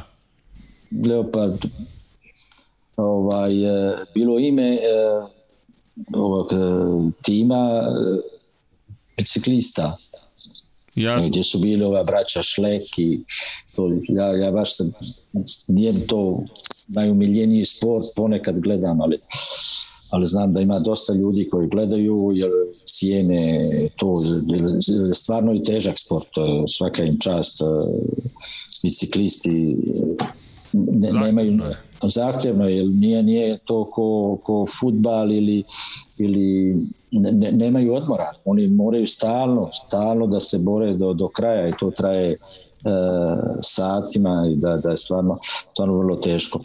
I, I vlasnik tog tima, on se pitao kako, kako da nazovemo taj tim e, i zbog čega, zbog čega Leopard Eh, Leopard zbog eh, ovoga njemačkog tenka. O, zanimljivo. Leopard i, i zbog životnje koja je isto brza i, i, i, i moćna. Znači, moćna i tank koji je razbija sve. E. Em razbijem je brz. Brz, eto. eto to, Posebno to, na pravcu. eto, I, i, i tako je to, to ta, počeo, počeo taj, eh, taj tim eh, Leopard. E onda 2014. u stvari možda i 13. Ne, sad, da. e, pošto isto taj vlasnik ima ekipu futbala koja se zove, sad je promijenio, zvala se Dudelange. Za ove koji gledaju futbal možda znaju I ja ne znam. On, Odmah da... on, on, on, oni su bili često prvaci u Luksemburgu i onda su morali ići za kvalifikacije da bi ušli u Champions League. I onda su igrali sa u Austriji sa, sa Red Bullom, sa njihovim timom, sad ja da. ne znam baš koji tim i tu uh, taj vlasnik sretne jednoga što je imao uh, jedno jedno piće koje je energitsko piće u kojem je bilo ta maka i to je maka, to je jedna ova, iz, iz Južne Amerike ovaj, korijen iz Južne Amerike i tu isto u krušku pomiješao još neke džinđer i, i, da, i džumbir. Da. da, džumbir, da. I, i, I onda je sa tim vlasnikom on se sretne i kaže ajde sa mnom budi e, ako hoćeš da budemo u asociaciji, da budeš e, partner sa mnom u tome ovo je to malo gledao, kaže pa nazvać to ovo ono, kaže i na kraj kraja otkupi tu otkupi tu marku koja mu je stajala tu E, dvije godine što se nije zvala Leopard, ne, ne znam kako, kako, se, kako se zvala, ali uglavnom nije se zvala Leopard i to je to stajalo tako. E onda kad su počeli da, da, da razmišljaju o motorima, onda se probudila ta isto to piće, ajde da, da to piće napravimo promociju, ajmo onda kroz motore. Dobro ste promociju napravili svaka čast. Dobra promocija. Dobra promocija je bila. Dobro smo promociju napravili samo što uh, vlasnik tima njegov je biznes ova izgradnja. On gradilišta i ima druge neke biznesa, tako da to piće baš ga toliko i ne interesuje. A voli sport. On voli da dolazi na trke, voli sport i, i tako da ne širi tržište, to se drži Luksemburg, malo, malo Belgija i i to je to. On kaže meni, što da ja kažem, neće se nikad moći izboriti protiv Red Bulla, ali na da. stazi da. možda mogu. Pa kao što mi ovdje imamo lokalne energetske pa da, piće isto. Ovdje imate, ne znam, Gvaranu, na primjer. Inače, mnogo ljudi ne zna, ali um, ogroman je zapravo povraćaj investicije kod energetskih pića. Zapravo, sirovina je, sad ne znam u slučaju Leoparda, pošto je organskog porekla, ali uglavnom je, to sam gledao analize Red Bulla, zapravo, što šta kod Red Bulla, povraćaj novca je ogroman. Ukoliko je da. u proizvodnji, ne znam, ispod 10 euro centi, a piće se prodaje za euro i po, mi govorimo o 1400, 1500, od 100 povraćaja novca. I, da. I uglavnom Red Bull čak nije ni vlasnik punionica, nego je Red Bull vlasnik robne marke, brenda i mm -hmm. prodajne pro, i distribucije i bavi se pre svega marketingom. A nema svoje fabrike. Fabrike su po third parties zapravo koje on angažuje po recepturi. Tako je. Ne, da. I to, to je Red Bullov sistem. I Matešić je to, Dietrich Matešić je to razvio do... do doktorirao. doktorirao je. Kad ima pa igrač kod pola milijarde, čujte, da, da, sve da, pa, jasno. Pa, pa, pa, pa i mi isto punimo u Austriji, oni, jel, oni su to razvijali, te, ta punjena i to. Pa da. U, u Austriji punimo te, te... Pa imaju ekspertizu, zašto biste se ja. time bavili? Pa to je, brand je vla, najvažnija je stvar, brand, marketing i prodaje. Ovaj, Le, Leopard to je stvarno prirodno piće. Ne, nema nikakvog dodavanja šećera ili neki boja i tako. Znači nije, nije to energijsko, ali nije ono kao da je Red Bull da, da, da, da će čovjek biti ono ako je popije 10 srce će mu lupati jasno sto na sat i tako ovaj, može, mogu djeca da ga piju može, može kogod hoće to, to je jedina razlika e, Da, inače ima, ima ideja, ima pitanje, pošto mi imamo ovde vaše monografije, sad na jednoj od monografija se vidi i uh, jedan automobil, to Mobil, nije da. samo sad što, šta je taj automobil, Mobil. otkud automobil, posetite TCR, Bahrein, da. piše, da, zanimljivo jedno vozilo, jedan Volkswagen. Volkswagen, da. Da, dosta dobro izgleda, moćno, e, pa je, jel, otkud, čisto da iskoristimo priliku kad ste tu i, i to, i imamo pitanje, dosta gledalaca pita zapravo, pošto smo mi o tome diskutovali, to vi ne znate, ali mi imamo neki san, plan praktično da skupimo community ekipu, da se skupi budžet za zapravo community, to je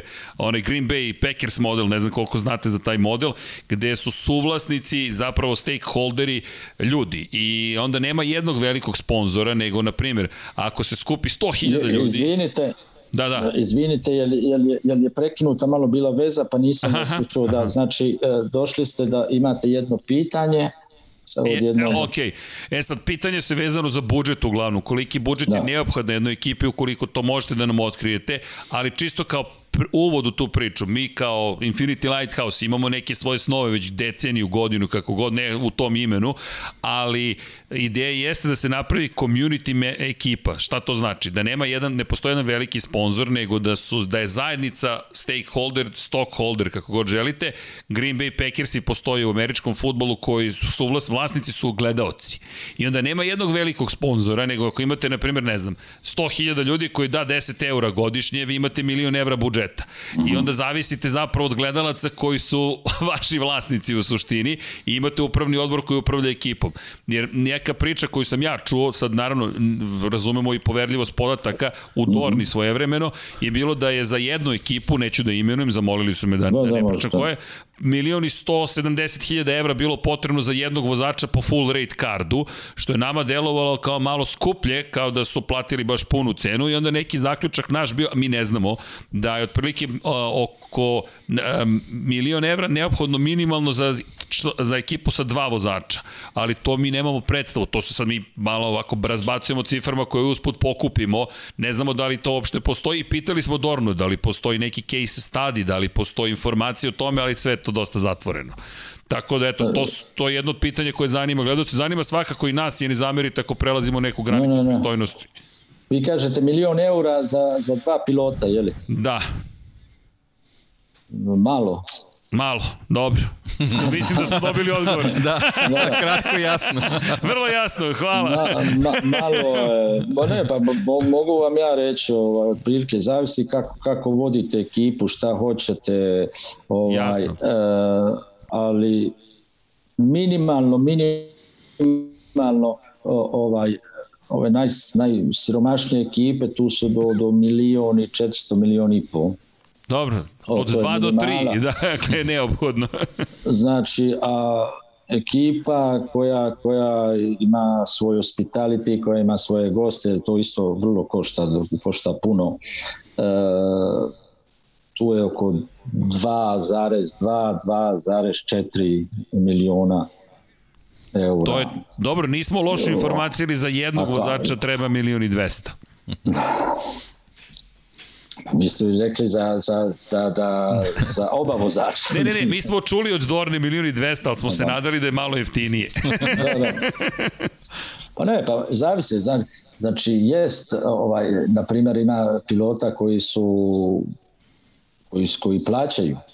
A naravno, Jasno. ako plaćaju, onda košta manje. Ima pilota koji su dolazili kod nas i, i, i traže, kažu možemo vam donijeti jedan budžet između 500 do 700 hiljada eura ali znamo sigurno da nećemo moći da pobjedimo.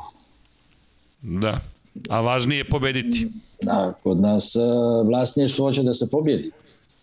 Jasno. E, da, to je, jednostavno je. to je. Dosta je jednostavno. Da, ja. A to su te čuvene priče iz Formule 1. Da li birate vozača koji donosi pare ili birate vozača koji može da donese neki rezultat, ali se postavlja pitanje u Formuli 1 da li možeš da doneseš rezultat s obzirom na razliku u odnosima snaga samih timova i mnogi timovi na kraju zaberu vozača koji će doneti budžet da se preživi sezona, manje više. Da se preživi, a dosta isto timova, da se preživi, a dosta tih vlasnika tih timova uh, reći da će, da će se sad obogati nešto, ali uh, više možda troše pare uh, za sebe nego što bi trebali da ulože u, u tim. Da, to nisu njihove pare, to su pare ekipe, da, ali to je da. ono čuveno što Eddie Jordan rekao, ako hoćeš da postaneš milioner u Formuli 1, počni kao milijarder, vrlo je jednostavno. da, da. Jer tu se ne zarađuju pare, to je samo strast. da, to su, to su vam budžeti, a, slični su isto u Moto2, a već kad se priča o MotoGP, ovaj, tim, uh, satelitski tim, kako ovaj tim da. koji nije uh, Luče Čekinelo, na primjer. Da, kreće se između 8 do 10 miliona. Jasno.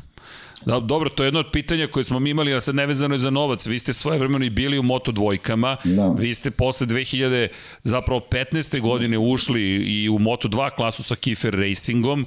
Na Kiefer, 16.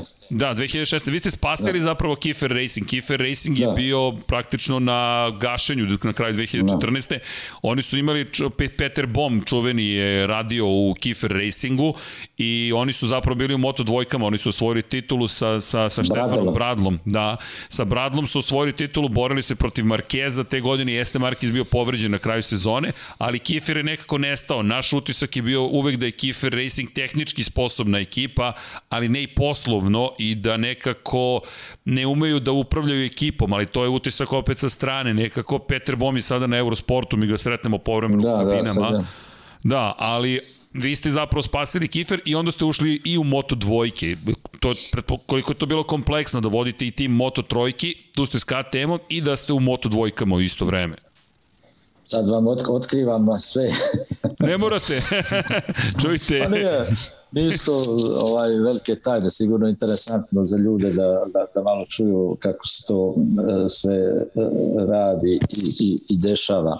E, prvo svega, ovaj, vlasnik tima je obećao ovaj, Kentu, ako, ako pobjedi, da će ili ga sponsorizovati u Moto2 ili će napraviti tim za njega u Moto2.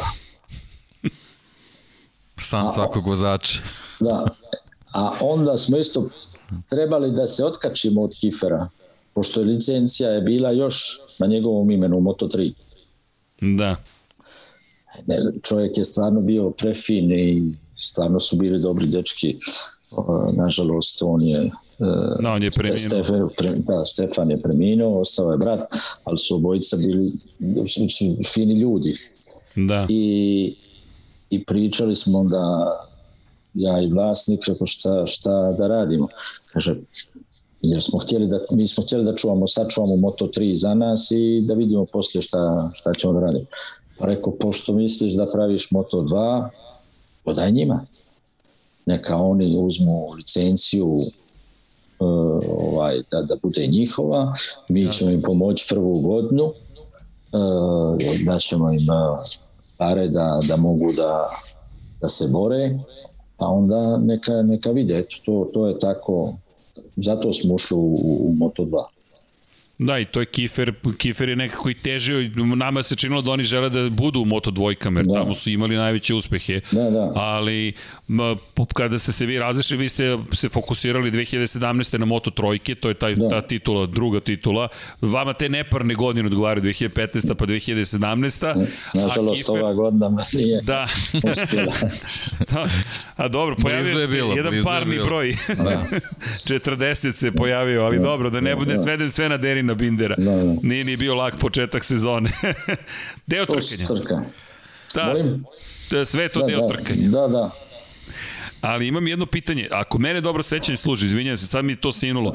Da li ste vi beše pregovarali sa Dominikom Egerterom? Jel Domi trebalo da pređe kod vas, pa je tu bio neki problem sa ugovorom na kraju sa njim ili ne? Ili sam ja pomešao? Zato što je Domi posle došao u Kiefer Racing. Egerter koji je osvojio sad titulu u Supersportu, on je Odličan vozač i Moto E vozio. Razgovarali smo, razgovarali smo sa njima, razgovarali smo i sa Suterom, pošto je Suter htio e, da, da, da ima jedan dobar tim i htio da, da surađuje sa nama i, i da uzmemo kao Agertera kao, kao pilota.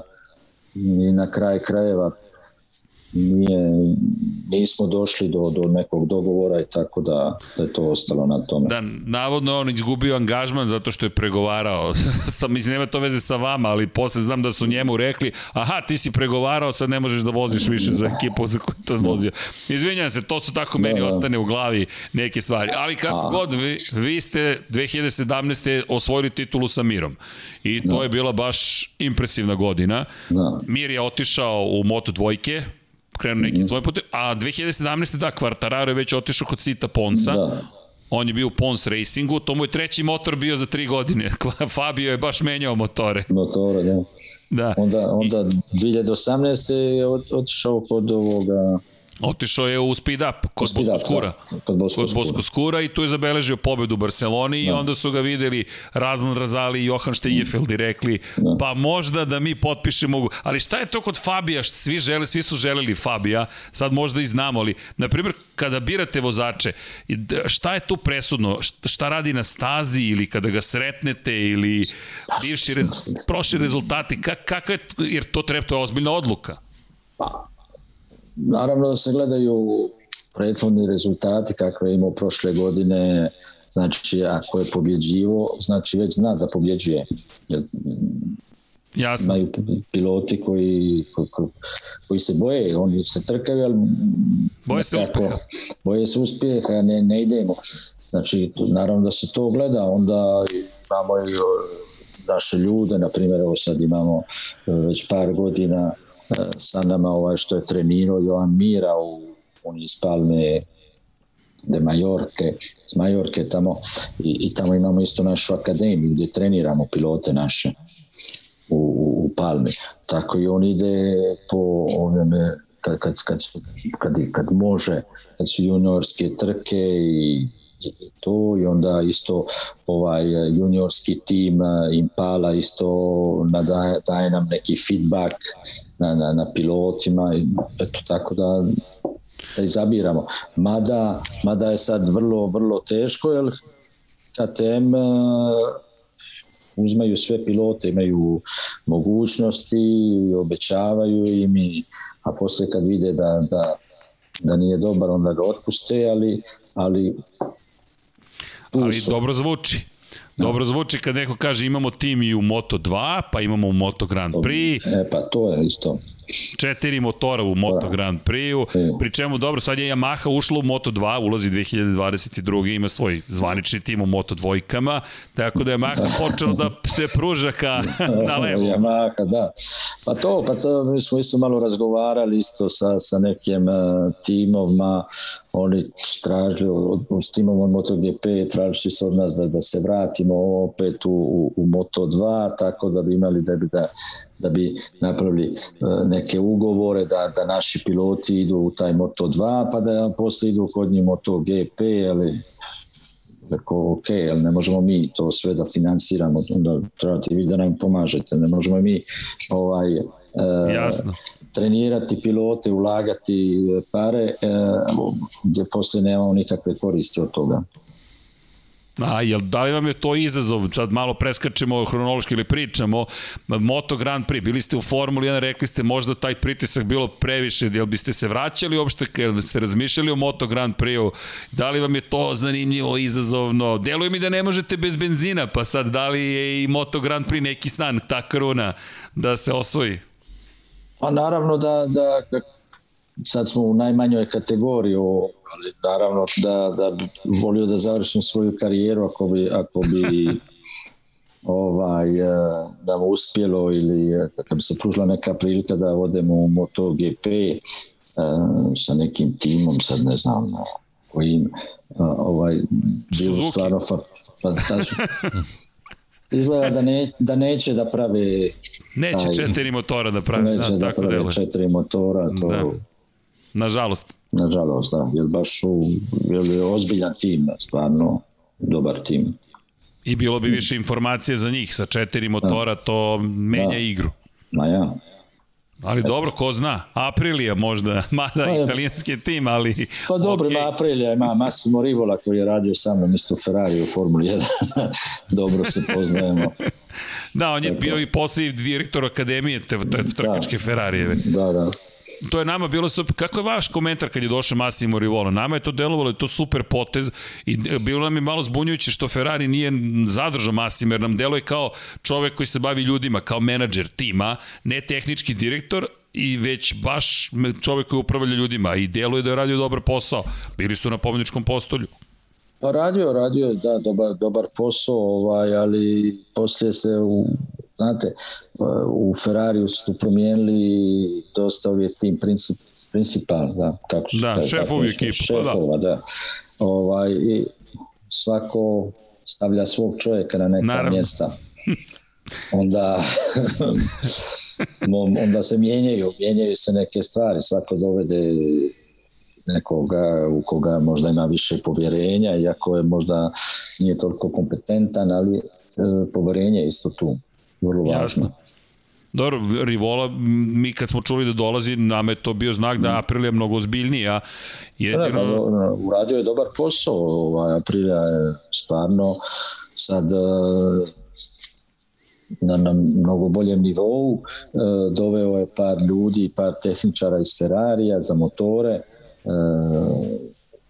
tu mu je isto ovaj Marmorini koji je radio za Ferrari, koji je radio isto za Toyotu E, kao motorista, ne, uložili su pare i u ljudstvo i u sredstva. Da, dosta ljudi iz Formule 1 prelazi na, na dva da, točke. Da. Jel vam le, jel, kako vi to tumačite da toliko ljudi dolazi u Moto Grand Prix i da stiže iz, iz Formule 1? Pa zato što možda je su trke interesantnije nego Formula 1 ovaj, u tom smislu, to, to kad pogledate jednu trku u, u narošto Moto3 i do kraja ne znate ko će pobijediti, to su borbe. E, još, još se računa dosta pilot, vozač. Da. E, dobro, neću reći da, da, da u Formula 1 ne, ne računa se. E, sigurno da, da stavimo nekoga pilota koji nije dobar u Mercedes, bio bi možda bolji nek da je u Williamsu, ali, ali da. ne, bi, ne bi radio ovo što radi Hamilton. Jasno. Sigurno. Ovaj, ali, ali motorna još ono ima, ima ono ta borba, ta, ta volja, ta, ta agresivnost i, i, i ljudi mi svi volimo kad gledamo neke trke volimo rizik vidimo da, da riziku to, to su dečke koji rizikuju njihov život svake nedelje jeste e, jer tu nema airbaga ili ovaj halo onaj ili tu nema ništa on kad pane pane ide i ne zna gdje će da završi to, to znači to, to volimo da vidimo Da, da pa deluje da, da je strast. A ova sezona je bila baš onako, što se toga tiče, da. teška. Teška, teška nažalost, da, nažalost da. poginuo je ovaj Dupaskije i i u ovim malim kategorijama isto je poginulo. Da, mali poginulo, Vinjales, da. Da, e, tako, zbog toga su i promijenili ovo što smo prije pričali, telefonski... Da, mi da, mi smo su. časkali o tome, da. da, o promjeni da od sada punoletni moraju vozači da, da budu, ali... Da budu. Ka, negde moj stav, nešto mora da se uradi svakako i, i treba da se zaštite ti momci, ali a, moj strah je zapravo da ćemo imati dve, dva problema, ne kažem da ne treba to uraditi, nego samo načina kako to sprovesti u delo, ali to je sad, na primjer, neki momci koji, i, pa i devojke, mada su one mnogo ređe, koji imaju 15-16 godina, to za njih sada je ozbiljno pomeranje datuma kada će se pojaviti u svetskom prvenstvu. I koliko će to uticati na njihove karijere, uopšte organizaciju, jer ako mi pričamo o budžetima koji su potrebni sada jednom vozaču, to, to, to, će, to će biti vrlo teško za njih, izazovno da, da, da, da, da dođu uopšte do toga da izdrže toliko u nižim klasama, a sponzori su već negde računali da će uskoro stići u svetsko prvenstvo. Naravno, naravno, jer, na primjer, ako, ako hoćete da, da učestvujete u, u ovaj u jedan juniorski tim, ako vi trebate da, da plati, ako pilot treba sve da, da plati, to traži oko između 150 e, čak do 200.000 eura. Uh, umjesto da ostane tu godinu ili dvije, sad možda će ostati 3-4 godine. Tako je. Da, znači, da, to su ogrom, da. ogromne pare za, za mlade dečke i sigurno da, da, da ta filijera tih, tih mladi e, vozača će se malo smanjiti ja mislim. Da. Jasno. Jel imate možda nekog mladog vozača pod lupom? Jeste pratili ovaj u nekom nižem šampionatu nekog? Pa nismo sad, o, pratimo i ovaj slao sam Kristijana isto da, da ode da vidi da. Neke, neke vozače, ali I, i ima i ovaj, Dobro, da ne otkrivate dobre, sve. Da, da ba, naravno, naravno. Da. Razumemo, da. dobro, pratimo. Ko zna ko sve sluša podcast. Da, ko zna ko sve sluša. dobro, ali imate i Impala. Kada ste osnovali Impala ekipu u, u šampionatu Španije? To, to ne moram predstaviti da ne znam tačan datum, ali Impala Leopard, ili tako? To, to je naziv za manju ekipu. Da, pa Impala, Impala je sponsor, ovaj, sponsor, on je stvari uvoznik onde u Španiji tim se oni su oni je za Talent Cup jasno tim a ovaj Leopard Junior tim oni su za ovaj juniorski juniorsko prvenstvo to juniorsko prvenstvo to smo osnovali 2015. Isto, dakle, odmah na početku. Na početku, da. Zanimljivo im pala je antilopa, a leopard da. nekako da. lovite, a im antilope. da, da, da. Mada dobro, ima i ona ševi im pala čuvena. Mm. da, tako da dobro, to, to je zanimljivo. Keči, da. Da, keči, da. ali dobro. Da, da, da iskoristimo prosto priliku. Vi ste posle 2017. 2018. opet nije osvojena titula, neko te parne godine Kao, evo imate preporuku sa četa da znate da angažujete Joela Kelsa, to, to je Kelsa. evo, Zlatko Tajtan ili iz Makedonije poručuje Kelso. Evo, ovaj, e, Kelsu smo mi bili upoznali prije još toga, ovaj, e, prije nešto će u, ovaj, do, doći u ovaj juniorski tim. Uh, on se on se trkao za nas. Mi smo imali jednu jedan tim što smo malo započeli sa Tonućijem u Italiji. Ovaj, uh, ovo prvenstvo talijansko u Moto3, ovaj da, juniorski čiv. tim. Da, da, Čiv. Čiv, da. Uh, I nije loš, dečko, ali puno pada. Uh, puno pada Ovaj, to je izgleda za Australijance. da, da, kao ovaj uh, Rolling Stoner. tako su ga zvali, da. Tako su ga zvali Rolling da, Stoner, da. Da, da. Ovaj, I bili smo mu pomagali čak uh, jedne godine, jedne godine trčao isto za nas par trka u ovom Talent Cupu. Ali posle smo naravno da. bilo početkom 20 smo se malo o, razdijelili, taj COVID isto je Da, dosta je uticao nije, nije, na da, planetu. Uticao, jer, jer kad, kad, sre, kad se sretnemo na, na trkama je drugčije nego, neko kad, kad pričamo telefonski sa jednim pilotom i onda nismo mogli da idemo nigdje. Znači, pa to je, ono što smo pričali malo pre, prosto kad sretnete nekoga, ili imate taj ne, nešto ono untangible, što kažu amerikanci, neopipljivi kvalitet, gde vam deluje, to je taj, pa, naravno, ima nešto.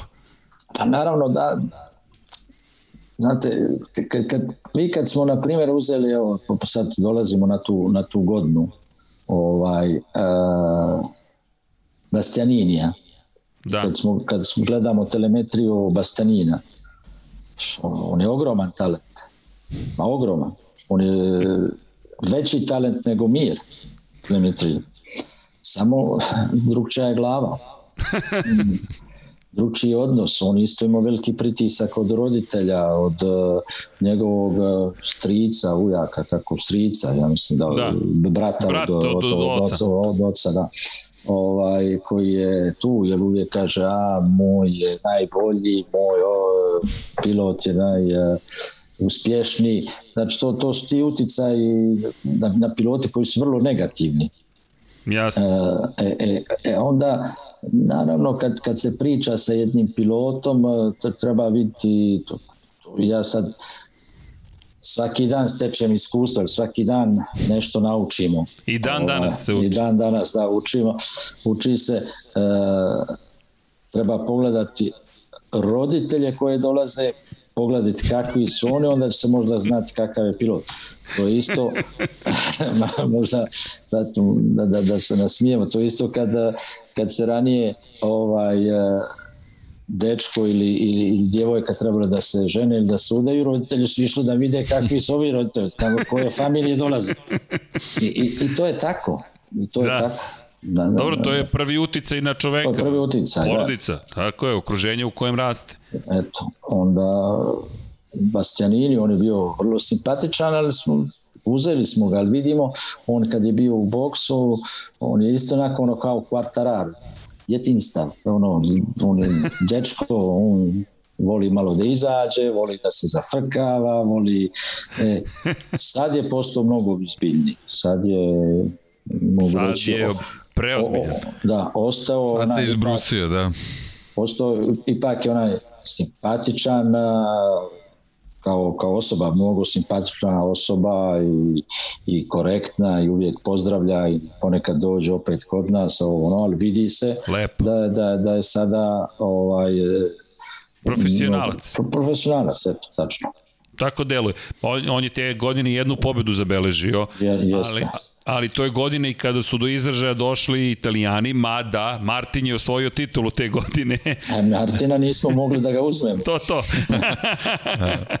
ne, ali... Ali dobri su vam pikovi, mora se priznati. Ovo, Jorge je velika zvezda, već tada da, da. nekako delovao, on je, on je na Mahindri bio brz. Ko je brz na Mahindri, taj će ali, biti ali, brz. Ali, ali u stvari, et, nešto nisam rekao, ovaj, kad, kad, kad smo trebali da ga uzmemo, uh, tada Mir baš nije se toliko slagao Mir kad je saznao da, da trebali njega da uzmemo, počeo je da, da, da plače, jer ne znam šta se dešavalo između njih kad su bili ovaj, u tim uh, malim kategorijama tako da, da možda i bolje što ga, što ga nismo uzeli, da, možda bilo, bilo problematično već od 2017 između njih. Yes. Tako. Da, ali zanimljivo je meni te 2018. koliko je Marko Beceki iskočio iskreno. Meni je da. Marko Beceki najveće iznenađenje da. go, godinama unazad, gledajući predsezonu i prethodnu godinu, mm -hmm. a, ako na nekog ne bih tipovo, to bi bio Marko Beceki. Da. On je tad bio u, je on za Prustel Grand Prix? Jeste, Prustel, Prustel jeste. Grand, jeste, Prustel koji je takođe bio relativno nov tim. Oni su logistička kompanija iz Nemačke, da, da. naste mm -hmm. ekipa, Marko jeste u Akademiji Valentina Rossi, ali opet još jedan momak koji u Akademiji, da. videli smo i, i videli smo kako dolazi i nekako, ajde da kažem, prolaze, ali niko ne ostavlja neki dublji trag iz Akademije. Andreja Minjo, jedna pobeda, dođe, prođe nekako. Zanimljivo, Bastianini nije u Akademiji, iako se druži sa svima da, iz da. Akademije, ali da, nije da, bio nije. tamo. Da, ali i onda odjednom iskoči u celoj toj priči Beceki. Mada je Fabio Di Gian Antonio bio vice šampion, to je zanimljivo, Gresini te godine baš onako bio dosta da. upečatljiv. Još je Beceki na KTM-u bio. To, da, to je nama KTM. bilo zanimljivo. Da, a vi dobro, ti... dobro, KTM opet je, dobro su motori, jer isto uh, Binder je pobjedio na, kat, na KTM-u yes, 2016. 16. onda mi smo na Ondi 2017. i tako, borbe su to velike ipak. Uh, na kojem god e, motoru ako je dobar pilot i ako ima malo i sreće i i Dobro, bio Nakamoto zadovoljan 2017. kada ste osvojili titulu, je li yes, rekao, yes, ok? Yes, promijenilo se, promijenilo se sve, promijenilo se odnosi, sad su mnogo bolji odnosi između nas. Ovaj, nažalost, e, e, njima je vrlo teško putovati, znači da, da, da su slabo, ja mislim, Sato ovaj, dolazio E, samo na jednu trku 2021. E, uopšte nismo videli, videli smo jedino ove ove tehničare koji, koji budu Jasne. kod nas u boksu i koji su živjeli u, u Evropi faktički. Tako nisu da. mogli vraćati u Japan jer ne, više ne mogli da izađu iz Japana. Ja, vi ćete sad imati japanskog vozača, mada je on, on je da. italijan više nego što je pa Japan. Pa jeste, jeste, jeste. Tatsuki Suzuki, Kalahan. Da, da Kalahan, da. Pa dobro, stiže još jedan čini se zabavan vozač, sad samo... Pa sad treba ga i njega da, da, da bude na motoru. Uvek vam je zabavno izgleda, da. da. Pa uvek, jer, da. znate šta, mi smo, ovaj, uh, nismo promijenili nikoga od 2016. Da, tim deluje uvek isto praktično. Tim je uvek isti. Uh, ovaj, uh, jer stvarno smo postali, to je, to je bitno kao, kao jedna familija koja ima isti cilj. I znači mi se i zafrkavamo u boksu i šalimo se, ali kad Odlično. svi znaju... Kad se radi, radi se. Da, svi znaju gdje su granice i kad se radi, onda se radi i to je to, to, to isto ovaj, je, je nešto što, što, što nije lako napraviti u jednom timu Ja se ja sećam isto kad sam radio u Peugeotu e, i, i u Ferrariju, to što, što je to uspio da, da, da sastavi tim da ide samo prema jednom cilju, da su svi zajedno, svi za jednog, jedan za sviju. I, i tako da, na primjer, neko izgubi možda jedan list negdje u hodniku, nađe se taj list i traži se koga je izgubio i odnećemo mu taj list, jer zna možda mu je potreban taj list za, za, za nešto e, što je potrebno timu, znači neće ga šutnuti u, u korpu za smeće i tako. E to... Timski duh. Eto, to je, to je da, da se napravi taj timski duh uh, treba dosta vremena i, i, i dosta truda. I onda ljudi koji su ovaj toksični u timu ti nam ne trebaju. Je li to vaš isto posao? Da vodite, pa da branite kulturu? Pa to, svaki, pa svako jutro kad dolazim, onda dolazim i pozdravljam sviju, pitam kako je, šta je, ovo, ono, i onda prije neko što, što krenem, ja malo krenem ranije, ono ostanu kasnije, opet se pozdravljam sa svima i pitam je sve u redu i diskutujem sa Kristijanom da vidim jer smo imali neke probleme, jer smo je riješili i tako. Koliko je ljudi u ekipi Moto3 vašoj? Ukupno, kada sve pogledamo. Ukupno ovi koji rade baš pa da, u ekipi. Računajući, računajući imene i računajući ova dva vozača, to je, to je ovaj 15 osoba. To nije puno. Da. Dobro, to je dosta drugačije odnosno na Ferrari. Mi smo, kad smo došli 93. bilo je po 350 ljudi za Formulu 1 u Ferrariju. E, ja mislim 2000, tako negdje, 2001. možda e, stigli smo do 1500.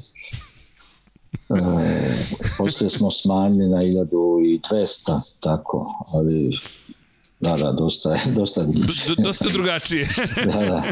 Dok foje prođete, to je cijela ekipa Moto3 ja. otprilike. Ma ja. Da. Ne, ne bih da vas pitam previše za Ferrari, nadam se da, da ćete kada da, dođe da, prilika. Da, da. Ali samo jedno pitanje, pošto je bilo dosta, šta zapravo radi direktor logistike ukratko, ako je to moguće uopšte reći ukratko, jer vi ste bili jedan od glavnih ljudi u Ferrariju, ako mi dobro razumemo strukturu, u kontekstu toga da je vaša uloga preozbiljna, na stranu to što je na nama... Kritična. I kri, kri, bukvalno kritična da ta ekipa funkcioniše i naravno na stranu to što je nama magično, to što ste vi bili na pit volu za jednog Mihaela Šumahera, pa su to neke ikonične scene gde, gde, gde vi držite tablu sedmostruki šampion sveta, najbolji i slično, gde je fotograf usmeren ka vama. Jel Vanja, imamo tu fotku? Jel možemo gospodinu Kotoru, to ovo smo skinuli uh, uh, sa medijskog sajta Ferrarija, Vi ste u arhivi tamo, naravno, arhiva seže, a vi ste bili dugo tamo, ali šta radi jedan direktor logistike? To, to zvuči impresivno i neverovatno i onda da onako demistifikacija, šta to sve znači? To, to, to je ogroman tim, to te sve treba, da li ste vi to odgovorni za kretanje cele ekipe po celoj planeti tokom sezone? Eto, tačno, to znači Dobro, ne pripremam ja, da, to je Naravno, u, evo ga. U, Be, u Belgiji. to je kada je osvojena titula, Spa, da, čuvena, 2004. Da. godina, da, da. peta za redom. Ja. Sedma ukupno. I pogledajte ja. fotografa, fotograf ka, ka ekipi fotografiše, ne Michaela, nego, ne Mihaela, da. nego vas. da, da. A dobro imaju drugi koji su njega i tako, ovaj, podijelili su posao. To, to, to. ovaj, e, znači, to, to treba da se pripremi e, Znači svako zna svoj posao, znači ovaj koji je odgovoran za motore, on će da priprema motore, da ih stavlja u kase, ovaj koji je odgovoran za mjenjače, on će da ih stavi i svako zna e, šta treba da, da ponese kao rezervni dijelova. To. E, kad se to sve stavi i zapakuje, e, u stvari mi imamo taj spisak i onda moramo da uh, idemo da, da, da, da to, ako, ako, ako idemo vani, znači ako idemo vani Evrope, znači da, da idemo, da zovnemo carinu koja će doći da to sve pregleda i da nam uh, udara štembilje na te sve fakture, e, onda to ide u kontajnere, onda ti kontajneri, to specijalni kontajneri koji idu u da. avione, e tu ne smemo ništa da zaboravimo, znači svako igra uh, ulogu uh, i donosi meni uh, sva ta pakovanja što, što, što mi imamo meni ili moji koji su, su, su radili za mene. Ovi drugi rezervišu hotele, ovi jedni rezervišu avione, uh, jedni su odgovorni za odjeću. Znači, sve to, to, to, je, to, to je kao uh, jedan bataljon koji ide na, na ratilište recimo na ratilište, izvinite što, što tako to ne, ne, jasno, ne, ne, ne, nego je... Ali, ali, ali to je faktički... To je poređenje. Ka, to je vojska. Ka, Nema to je tu... vojska. To je vojska, znači idemo, za nas je borba uh, na stazi. Znači jasno. mi ne možemo, ne možemo nešto da zaboravimo. Ako zaboravimo municiju, znači bolje da se vratimo. Jasno. Da se, da se predamo odmah. A znači, ko je odgovoran možemo... ako nešto ne stigne? A odgovoran je, ako, Ako nije stavljeno, odgovoran nešto nije stavio. A ako nešto ne, ako nešto ne stigne, odgovoran sam ja. znači, to je velika odgovornost. Da, Od vas da, da. zavisi uspeh cele da. ekipe. A ja, imali smo, imali smo problema. Dobro, možemo pričati. No, ne, ne, ne, ne, ne, sad smo Leopard, ali čisto, da, da. čisto to, to jer, jer da, da. mnogo ljudi zanima, deluje mistično da. i moram da vas pitam, otkud vi na zidu Mihajla Šumahira kao to je slučajno, slučajno na zidu. Uh, ovaj, uh, dobro, nisam bio samo na njemu na zidu. Pošto kad počne trka, faktički dok se ne završi moj posao je završen. Čekate. Znači, da. znači taj sat i po do dva sata koliko traje trka, uh, ja sam slobodan. I znači te godine kad je bio Jean Alesi i, i, i Berger, e, ja sam sjeo i, i gledam, počeo da gledam ovaj, kad, kad će početi trka za, za televizor sve, i dolazi ova Jaskaneli od mene. E, kaže, nemamo, nemamo čovjeka, treba nam ljudstva za mijenjanje guma i tamo i trebaju još neki ljudi koji će tu biti oko kola, kaže e, nemamo nikoga za tabelu. E, pričao sam sa Todom, Tod kaže da bi ti to mogo da uradiš. ok, okay. Što, što da ne. I, i, Rekao šef. Eto, pa ja, i od tog dana do, do, do zadnje trke Šumahera ja sam ostao na, na tabeli za vrijeme trka. Ali bilo je interesantno, jer, jer onda se stvarno, onda se prati stvarno ono trka uh, od početka do kraja i, i, i te senzacije i taj, taj pritisak i, i stvarno ono bilo je fino, eto, nije, nije to neki veliki postoji, ali uzbudljivo, eto. U stvari vama je to bio odmor od posla pravo. No, ja, no, ja. da, super, sjajno. Eto. Divno. No, dobro, i sad kada uporedite to i sad treba da se organizuje 15 ljudi, delo je ipak malo jednostavnije. mnogo jednostavnije, mnogo, mnogo. mnogo.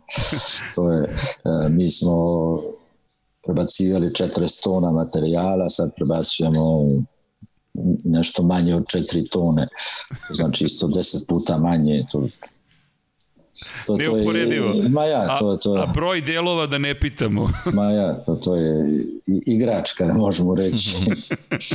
no, za vas jeste, za, no, da, za treba, mnoge nedostižno.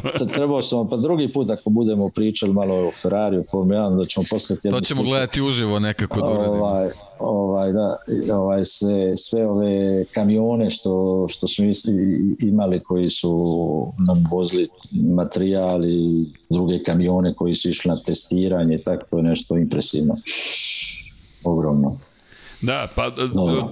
mi bismo da čujemo vašu, znate koliko smo pitanja dobili, no. kako ste ušli, či šta ste, gde ste sve bili I, i ne zamerite što vas malo zadržavamo, ali no, no. evo ovo su isto neke fotografije, lepije momenti, ali smo rekli, pričamo o Leopard Racingu, da, da, to je da, nastavljamo Leopard, do, došli to, smo do 18. To, godine, trebamo da biramo pilote.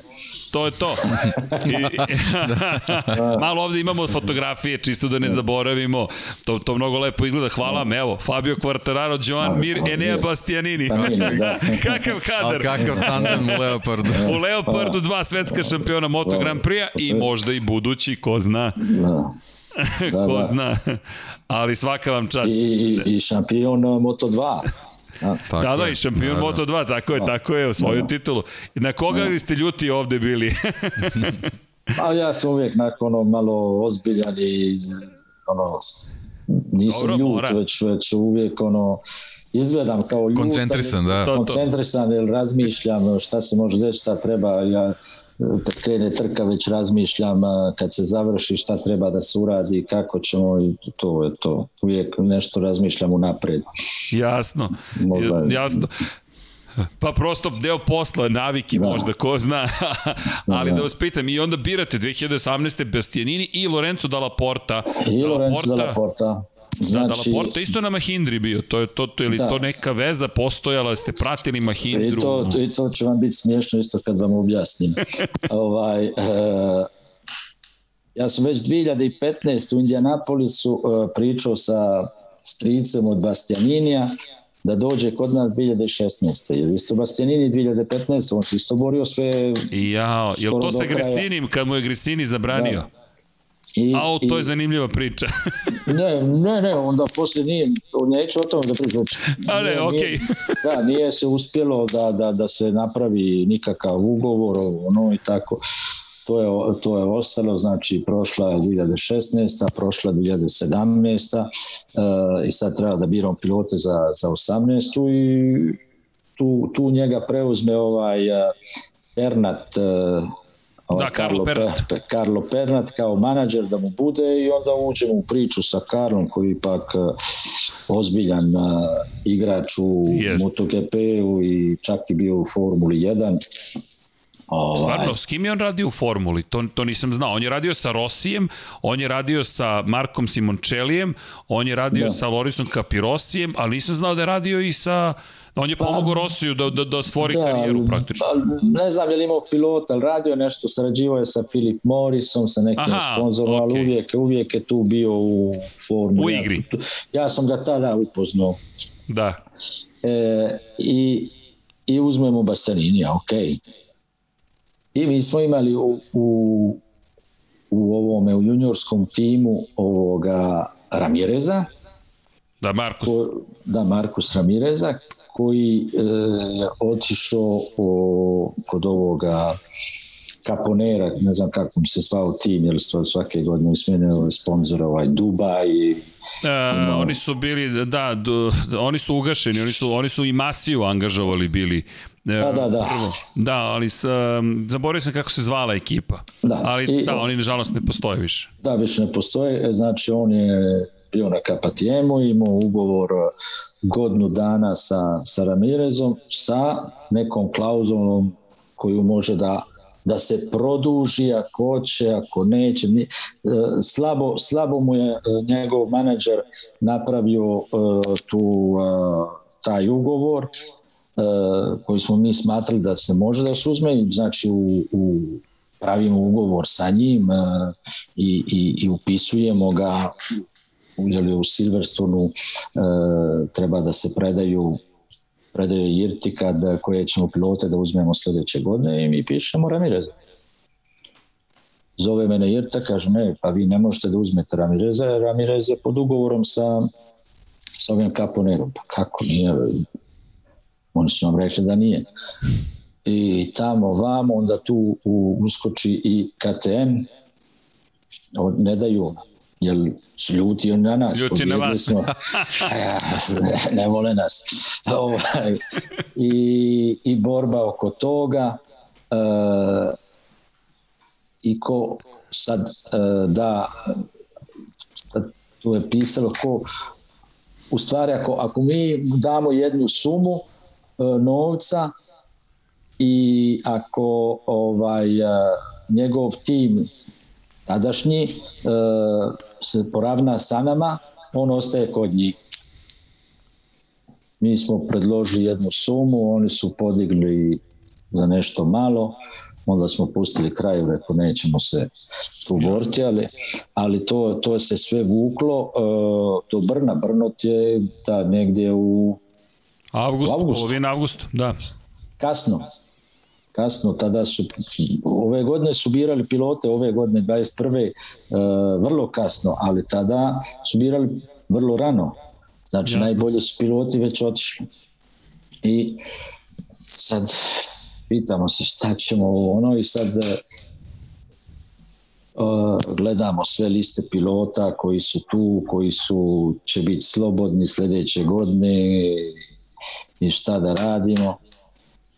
I izađu par neki imena i ja i ovaj jedan možda ga vidite ponekad na televiziji ovaj italijan što nosi nekad onu kapu onaj šešir na glavi ponekad razgovaramo. Ja vidim prolazi de la porta.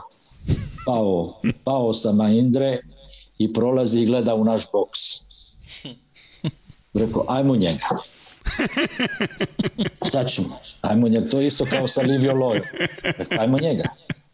Ova, I on isto kaže, pa ajmo, kaže on, eto, na Mahindri, ali uh, loš je tim, možda je dobar, uh, dobro, imaju, imaćemo dva Italijana, ali nema veze, kaže, ja, ja isto kažem, ja mislim da to, i mi to predložimo, uh, ovaj, predložimo vlasniku vlasniku tima, ali, ali još smo čekali u stvari odgovor o, o, o Ramirez, još smo malo čekali.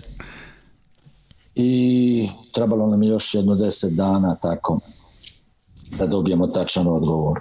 I mi pozovemo da Laportu. Dolazi on sa ocem, otac, eto, ko što sam rekao, e, prije e, treba biti da. malo familijom, ono, otac najbolji, Mi smo rekli odmah ako bude nešto, mi nećemo da se ti miješaš u ništa, nećemo da sa pilotom pričaš, nećemo, ne treba nam tehničar, ne treba nam menadžer, ne treba nam niko.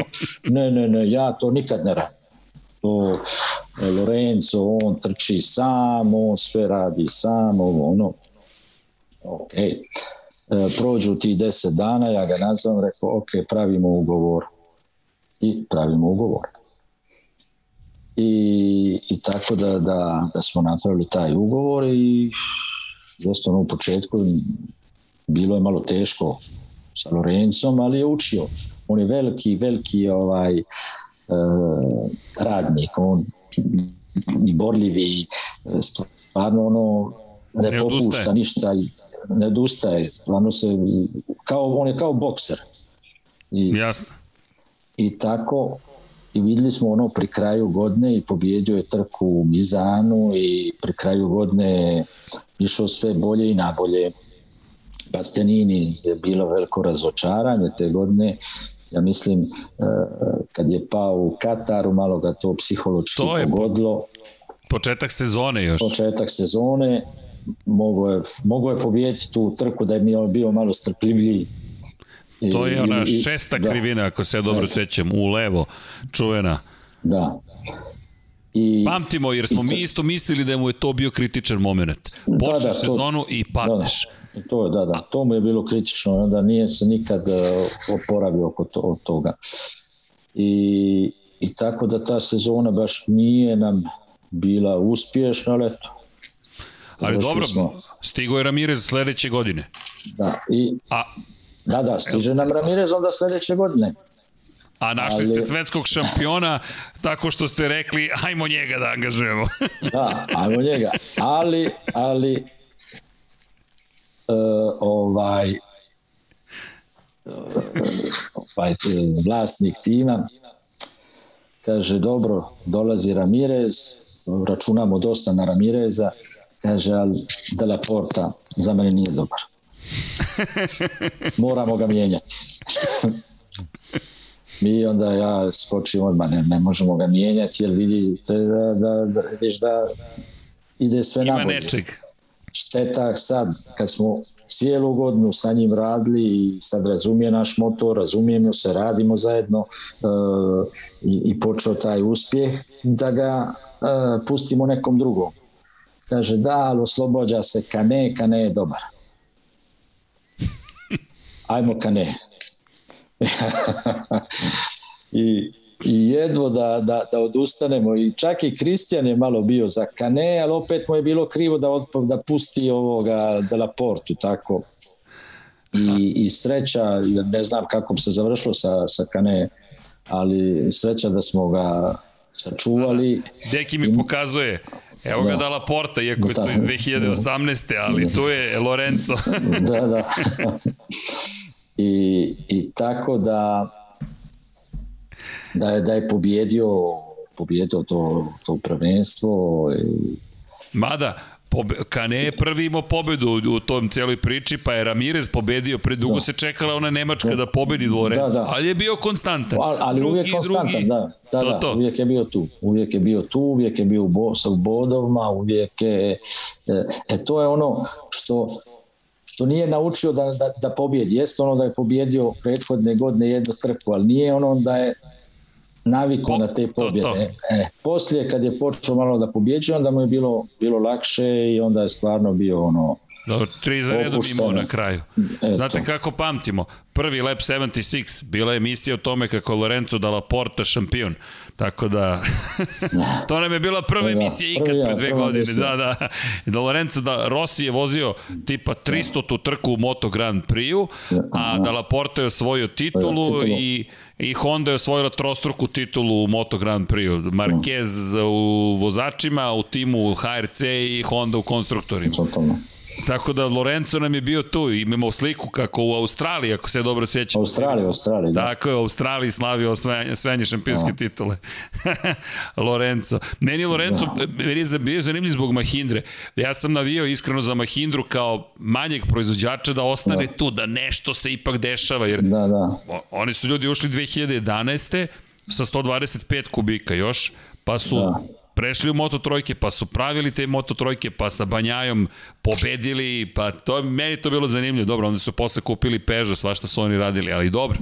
I u svakom slučaju vi osvojiste titulu, I onda opet parna godina dođe 2020. Dođe, dođe, da, dođe parna godina. I... Šta se tu desi? pa dobro, desilo se. Dobro, uzeli smo, ja mislim, dobro. dva dobro, do, dobra pilota. Mazija Jeste. isto bio dobar, dobar Fođa, ali nije se to toliko pokazao Fođa ovaj, što, ono što smo se nadali, nekako imao pritisak neki, ja mislim od Mazije ili ne znam. On je osvojio nije... titulu u juniorskoj konkurenciji, da, da, je došao da, kao šampion. Da, da, da, on je. Da, da, da, osvojio je. Pa dobro, proveo ipak, uh, mislim, dvije godine sa Sky. Sky da, da. Uh, ali na kraju kraja kad, kad, kad, kad, kad pogledamo malo, malo, malo te, te, te greške i to uh, narošto od Mazije Mazija pravi dvije dvije ogromne greške uh, jednu u, u Brnu kada je Fođa pobjeđuje znači on se nalazi Jest. na drugoj poziciji i hoće po svaku cenu po svaku cijenu da, Tamo da, ne može. da, da, bude iza njega i tu pane On je u Andaluziji pao, trku pre isto nije, nije ali nije pao. Be, Binder, ne, ko, je li ga Binder eliminisao? Ko je ono napravio grešku pa izbacio Masiju? Neko je u poslednjoj krivini napravio grešku na kočenju, ako se dobro sećam. U, u poslednjoj krivini u Herezu, druga trka u Herezu, prilično sam siguran da je neko napravio grešku u poslednjoj krivini poslednjeg kruga i izbacio je Masiju sa staze. Mm. Čekajte da bacim pogled. Znam da je neko izbacio, da li je Ondžu na primjer? Ja mislim, ne znam je li njega izbacio ili izba, izbačen uh, Fođa u Džerezu. Samo čekajte, izvinite, sad mi mozak da... Isto, ja. Fođa je isto odustao, ne mogu da se sad setim šta se tu desilo, ko je koga eliminisao, ali znam da je Fođa bi, da, da, da je ta poslednja krivina bila, jer to je COVID, tad je već počeo e, COVID. Fo, fo, Fođa je na početku trke u prvoj trci u Džerezu, Tataj ga je udario odmah posle 300 metara, tako, ja mislim. Da, evo sad gledam, Mm, koji je, ne, nije Binder, greš, grešim duž, ne, ovo je 2021. Čekajte da vidimo, da. izvinjavam se, evo malo sad mozak da vidimo, da osvežimo, da vidimo šta smo popamtili i od čega smo šta popamtili. Bolje pamtiš prošli vek nego ovaj. Da, da, mo... hvala deki. Mi da, pamtimo te ovi, neke situacije čudne, ali u svakom slučaju Masija i, i Masija je u jednom momentu imao dve pobede za redom kasnije. Da. Aragon, I, tako, Aragon beš. Aragon. Aragon. Da, da. Aragon, I to je neka 500 za Hondu bilo, tako bilo? Jeste, 800, 800, 800, da vi uhu. 500 je Rosijeva bila. da. 500 je Rosijeva, da, da, da. 600 da. ko je 600 tu doneo? Mislim da je 700 mm. Lorencova. Ne, ne, baš velika stvar, ne, posebno u godini gde Moto Grand Prix ekipa loša da Masija to beleži, super je bilo to. Jeste. Baš dobar trenutak. Znači, e, Evo sad ću vam reći ko je izbacio e, na kraju trke, na kraju trke Masija, Nije, nije, to je uh, ne, druga trka. Veze, da, Pogrešio nije, nije sam. Nije, u pravu ste, Masija je sedam krugova pre kraja, nije nešto, iz nekog razloga odustao, ali ne znam zašto. Ali da. to je trka u Andaluziji nije završio i da. zatim u Brnu i to su dve trke. U Brnu i, i isto uh, nije završio gdje je mogo isto da završi uh, u Portugalu, zadnju trku. Jeste, i u Valenciji nije završio... Da. Pretiče, on pretiče prvu. opet Fođu u Portugalu i pada. Jeste, jeste. Bio je drugi, znači tu je izgubio isto 20 bodova, 20 tamo i, i još par bodova, mogao se da se bori za, za titul. Dobro, osvajamo ipak ovaj uh, prvenstvo timova. Timova, da, da, da. Te godine i tako da, da A koliko vam je teško, sad besmisleno pitanje koliko, kako ste se snašli u celoj toj COVID priči? Moto trojke su i Moto dvojke vozile prvu trku sezone u da, Kataru. Da, prvo u Kataru, da. Da, Moto Grand Prix nije, ali kako je to na sve vas uticalo? Inače ste vi bolje, ne da sad ne privatizujemo, ali i to je važno. Ljudi su pre svega važni, sve ostalo da. je pa manje imali smo, imali smo, na primjer, Kristijan je imao COVID, kad, kad, kad, kad je bilo ovaj lockdown, znači kad se nije išlo na trke, pa još neki mehaničari isto su imali covid. Bilo je malo teško i kad su počele trke i tužno, ali opet smo rekli sebi sami govorimo, rekao pa bolje opet radi se, idemo napred. Da, nešto raditi, se, da. Opet da. smo srećni možda od nekih ljudi e, koji ne idu na posao, diskoteke, zatvorene restorani, zatvoreni, ne mogu da, da rade, ne mogu da, mi opet nešto ovaj radimo i, i, i s tim poslom možda donosimo isto ljudima neću reći neku sređa, neki, neku razonodu da mogu da pogledaju na televiziji nešto. Ovaj, Nije to mala stvar. Jer, nije to jer, mala stvar. Pa ja, jer nije se ništa dešavalo uh, ovaj, neke novosti, ni, ja ne znam, tenis se nije igrao, futbal se nije Nama igrao. Nama je značilo, verujte, Kako mnogim ne? ljudima je značilo, mi smo da. prenosili, e, Deki i ja smo komentarisali u podcastu, mi znamo koliko, koliko god je, na primjer, podcast mala stvar, koliko je to ljudima takođe značilo, da. onda vi imate, vi organizujete trke svetskog prvenstva, to je bekstvo i od stvarnosti, jer u jednom periodu ovde, na primjer, je bio policijski čas, subotom i nedeljom ljudi ne mogu da izađu. Da izađu, da, da. Vi ne možete da izađete i odjednom imate trku svetskog prvenstva i imate mm. neke svoje junake za koje možete da se vežete, tako da e, nije racionalizacija nečega što mi želimo da se desi, ali zaista mislim da ste mnogima pomogli da prevaziđu jedan težak period. Pa jeste, ja se sjećam, na primjer, kada, kada, znači, kad su zatvorili sve, znači ja, ja ovde u Francuskoj zatvorili sve, pa šta da se radi, moglo se malo izlaziti, e, napiše se u koliko sati si izašao i tako imao sat vremena da ideš da se prošetaš i da ideš u kupovinu neku ili tako, policije je bilo svukuda, pregledi. I onda se vratim kući, upalim televiziju, gledam vijesti, umrlo hiljadu ljudi, umrlo 500 ljudi, umrlo i, i to, to je bilo katastrofa. Psihološki gledati to, to, to je bilo stvarno plašenje ljudi jer nismo i, i nije niko ni znao uh, čemu vodi kuda vodi dokle ćemo doći uh, zbog toga virusa i, i te epidemije, pandemije kako hoćemo uh, znači kad, kad, kad smo krenuli da, da se trkamo to je znači bilo po krajem jula ili da, tu negde. Da, ka, polovinom jula. Početak jula, tako nešto. Da, ne, u polovini, polovini jula, tako. Tako, tako da, je, po, po, to, to je, jula. baš smo dugo čekali. Uf, svi smo olakšanje, da, olakšanje, da. da. idemo uh, uh, često smo se ovaj uh, zvali preko, preko telefona i pravili ove Zoom mitinge i tako da, da Evo, ovo nam je norma postala. Normalno je da smo preko Zuma pre tri godine, zamislite da smo vas zvali, rekli može na Zoom da, da. sedite vi kod kuće i mi da pričamo. Da, da. Kako to misliš kod kuće? Ko, ko ulazi drugim ljudima u kuću sad? Da. Nema, sad smo svi svima u kućama, u pidžamama da. sedimo i, sedimo, i, da. i časkama, pa da. Eto, tako onda Čudno neko vreme. Restrikciju avionima, bojimo se, bojali smo se i mi ovaj, e, da, da ne dobijemo koronu, e, ne znamo kako će naše tijelo da, da reaguje. Da. da, pričalo se o vakcini i tako. Ovaj, hoću da se zafalim isto Srbiji, jer ja sam došao isto u Srbiju da se vakcinišem, jer u Francuskoj nije bila u martu, nije bilo vakcine. jer, I onda dosta ljudi E, dolazilo u Srbiju koja, koja je pružila mogućnost to da, da, da se ljudi mogu da se vakcinišu, iako su iz inostranstva i tako, to je, to je baš o, bilo. Svega je bilo. Svega, ne, svega. svega je bilo. Eto, opet nije sve došlo u normalu, ni, ni ove godine, ni 21.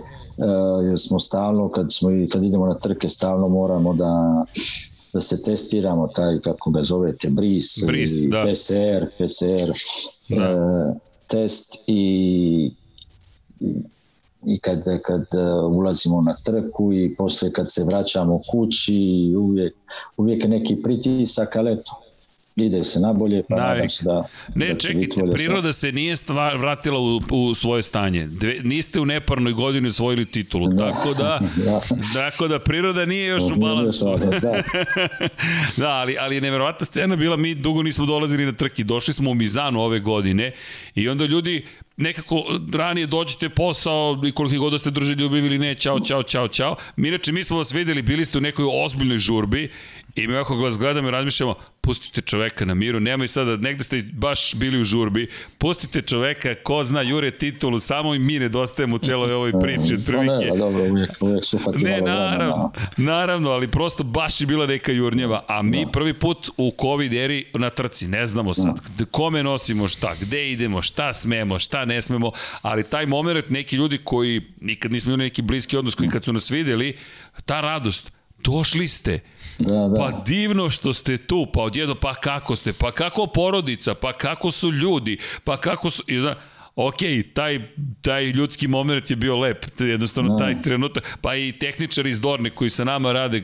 koji su zaduženi za kabine, ovo, to je bila velika, o, nismo vas videli od Valencije 2019. pa no. Da. kako ste, nije da se mi znamo, ali eto, nekako lep taj, taj, taj moment je zaista bio lep. Ali... I, i mogli, mogli ste da vidite da, da nije bilo uh, puno naroda u, u padoku, da je padoku bio, nikoga. bio prazan, a možete zamisliti kako je bilo uh, 2020 gde nikoga nije bilo. Ne, Izađete, zaista. dešavalo se da izađemo u padok i gdje su parkirani ti kamioni, uh, neka čovjek bude sam. Sam.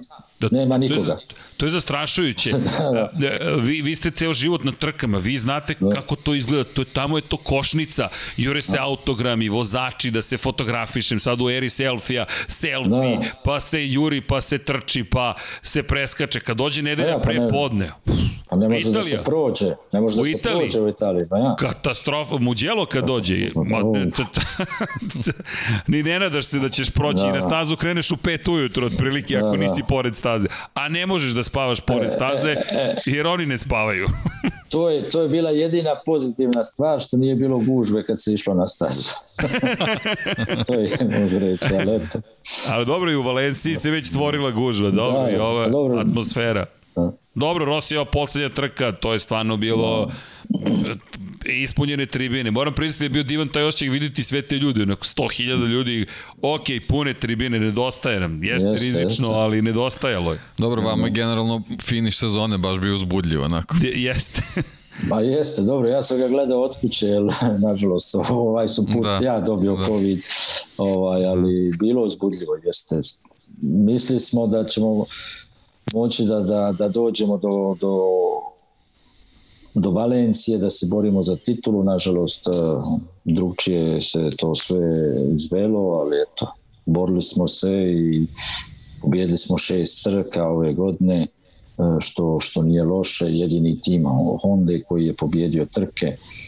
Znači, I impresivne pobede su bile. Da, da, da, ipak, da, da, ipak, je, ipak je pozitivna, pozitivna sezona. Uh, nažalost što, što Fođa nije na početku uzao pa, bar, par nekih bodova, jer je, on je ili je uh, prvi, drugi, treći ili, ili je bez bodova. Znači, da. da, cela sezona sezona mu je tako išla. Samo u Štajerskoj je završio trku i, i u Valenciji na kraju sezone da nije bio među osvajačima poena. A ta štajerska, tak, jel mu kiša smeta? Jer delovalo je kao da... Tada smo malo bili ovaj, a, u borbi sa njegovim a, ocem, pošto nismo više dozvaljali da, da se miješa u naše stvari i da dolazi u boks. A, I on je onda nekako isto bio možda ljut. Onda Artigas imao COVID. Da. E, u nedelju ujutru smo to otkrili, onda se imao malo bojo da, da neće dobiti COVID i onda je bila plus toga kiša. Znači kad se to sve sastavilo Sve zajedno problem. Sve zajedno Nema problem. koncentracije, da. Nije, nije, nije, pa vidio sam ja odmah na startu da. da, da, da uopšte nije koncentrisan, on na startu je mene pitao e, posle trke želio da idem odmah kući, ne znam, znaš, e, u slučaju e, testirao sam se, ali bolje da bježim, rekao da, da me ne, ne zaustavljaju ovdje. Znači on je već mislio na kuću, on je više o tome razmišljao, da, da, da. što mislio na trku. A čekala ga još jedna trka sedam dana kasnije. Da, I onda na isto mesto. Na isto mjesto, ali onda je bilo bolje. Da, onda je bilo da, drugčija priča. Da, bio na pobedničkom postolju. Pa ja. a, a još Pedro Acosta i, i Sergio Garcia pobegli u šta, na prvoj trci u Austriji. Da, da. Oni su baš bili pobegli. Kako vama deluje Pedro Acosta? Kako, kako ga gledate vi? Pa, A mislim da je on, u, znači, kad je bio u ovom juniorskom timu te godine, možda nije imao najbolji motor i, i zato možda nije mogao ni da osvoji titulu. Sigurno nije mu motor bio u redu, a dečko je vozio fantastično, ovaj, bez, bez ikakvog kompleksa. E, ne možemo se ništa reći, sve, sve je bilo čisto. Nije, nije ništa da je pravio neke gluposti, da, da, da je htio da nekoga gurne, da nešto napravi loše, ono stvarno je zaslužio je titulu, mogli smo i mi je da, da je dobijemo da smo se borili malo bolje na početku, ali on je stalno bio solidan i svaka mu čast.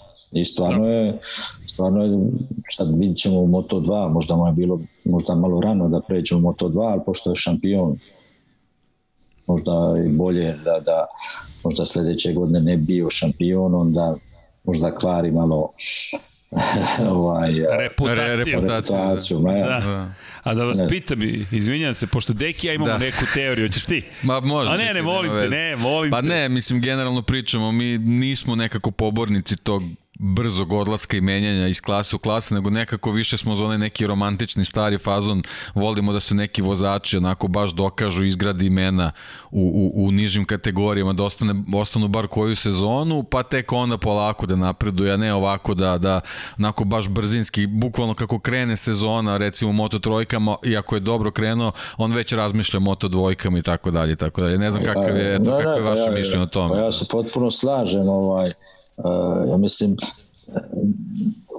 uzmemo primjer neki pilota evo kao Antonelli koji je ne znam ja 7-8 godina kako je Nije, 10 godina, on je od 2012 10 godina, ja mislim da posle 10 godina nije ni zaslužio da ode u Moto2 e, to, to, to je previše a ovi koji dođu mladi e, da bude samo jednu godinu to je možda malo malo. Evo, to je šteta zbog šampionata generalno. I, i ovaj Bari Baltus je otišao i Jest. nije nešto napravio. Ja, to, to me stvarno začutlo za, za Baltusa jer su svi govorili da kad dođe u ovaj Moto 3 da će biti veliki protagonista ono sad je u Moto 2 Još je on na NTS-u u Moto2, on je u RW Racing otišao. Da. To je Holand, to je to opet Ho, Benelux, holandska veza da. možda, pa da, možda da. bilo prijatnije da, Belgija, tamo. Da.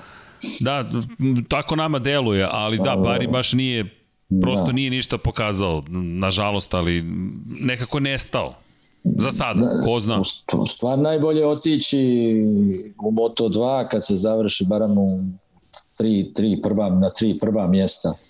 Kad se završi posle ovo je, ovo je stvarno veliki veliki uspjeh uh, Akoste što je završio odmah prve godine kao što je bio prvak ali normalno se bude možda druge ili treće godine, ali kad se završi u tri prvima, e, posle druge Jasne. godine može može da, da, da ide jer, jer ima više iskustva i, i drugčiji je pilot znači možda A da vas, pitam jedno pitanje koje, pošto mi to malo pat, ne, ne patimo, se sećamo jednog perioda Haručika, Oki i tako dalje, kada se se branile titule, da je Denis osvojio titulu, da li, da li biste voleli da je uzeo broj 1 na motoru da stoji broj 1, pošto Mir, na primjer, nije izabrao broj 1, broj 1 za, za ovu godinu, nama dvojici je to žao, mhm. nekako verujemo da bi to bilo upečetljivije, nosiš broj 1, staviš jedinicu, to je pa šampionski broj to je, to je nestalo i u Formuli 1, ja mislim, sad ne Jest. znam je, je, je, li, je li je opcionalno ili se može uzeti ili ne. Ovaj, ali ja bih volio da bude broj jedan, znači on je šampion. I To sad njega se. treba, e, pa ja, njega treba pobijediti, e, ali šampion te godine i to da treba da drži broj jedan cijele godine. To je naravno da, da i to ljepota ovaj sporta. Nekako na, Sastavni deo, pa da. da. To, A, pa- zlatni, to su ko zvijezdice kad stavljaju na, na dresove, kad, su pobjede, kad pobjede titule i to, eto, to, to je, je, stavljate vi zvezdice? ne stavljam. To ne bi bilo loše ako se naređa. Ili čekate desetu titulu pa onda. Pa bilo je, bilo je u Formuli 1 ovaj, uh, bi, bi, bilo su ovi bedževi koji su bili stavljani uh, šampion te godine sa svim zastavama trka, to smo stavljali smo na ove uh, kombinizone od, od Schumachera.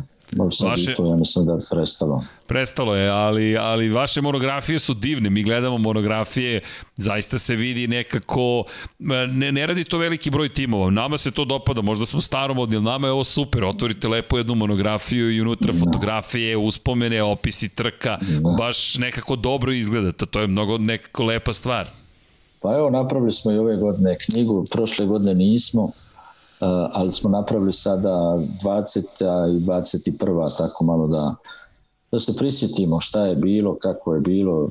Kad budem dolazio u Beograd, donijeću vam Hvala. Ovaj, Mi, spremili smo i mi knjige za vas, čekajte, znam, i, mi, ima, to- i mi pisca za trku imamo, molim vas. ne znam do koje godine ste došli, do, vidim da ste imate 18, 19, možda nemate. 18. imamo, sad ću da 15, vidim. 16, E, 18. 19. još da. nije bila gotova kada smo Da. se bili videli E, poslednji da, da. put, tako da, Da, jel tu, ko je tu poslednja? Uh, 16. 15. 15, 16, 18. Da. Da, 15. A 17. mi je kod Dragana, a, drug, a njegova 2015. je njegova kod mene, tako da to treba već dve godine čekamo da zamenimo te dve knjige. Da, evo ga Deni. Da, da, Deni, da. Deni. Jeste, ja osjećam se njegovih roditelja koliko su cigareta popušili. e, Uf, koliko su bili nervozni to, da. Mama stoji ispred domaćinstva i samo puši cigarete i mi dobar dan, dobar dan. E, to, je, to su te neke scene iza kulisa. Baš smo o tome juče pričali koliko cigareta se zapravo konzumira, koliki je stres ponekada. Nema Ma više jeste, to bak. stres je veliki. Ponekad ja, kad, kad gledam trku i dobro, ono, kad smo pričali o miru, onda sam bio mnogo mirniji. Bili ste u miru.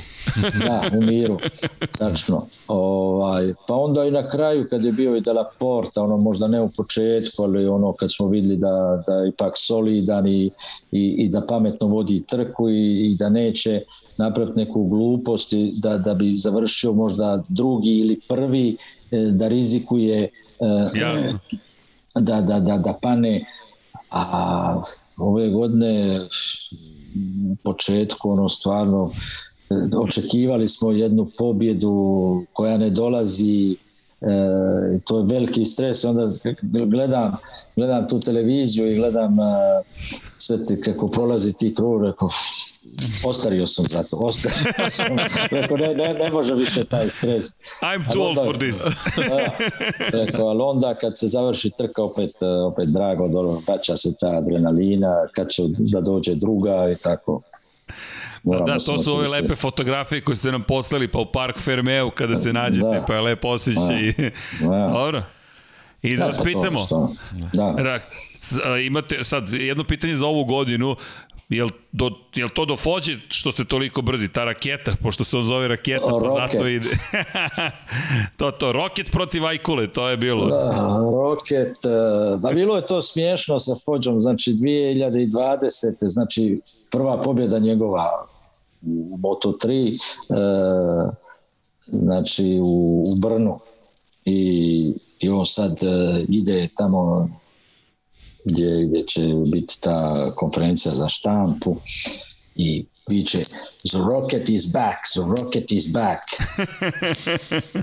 Ja, ja sam tu i, i ova naša ova šefca za, za štampu i gledamo ga i gledamo sebe. Back from what? Prvu pobjedu se dobio. I sad, sad uvijek kad pobjedi, onda ga malo zafrkavamo. Rocket is back, the rocket is back.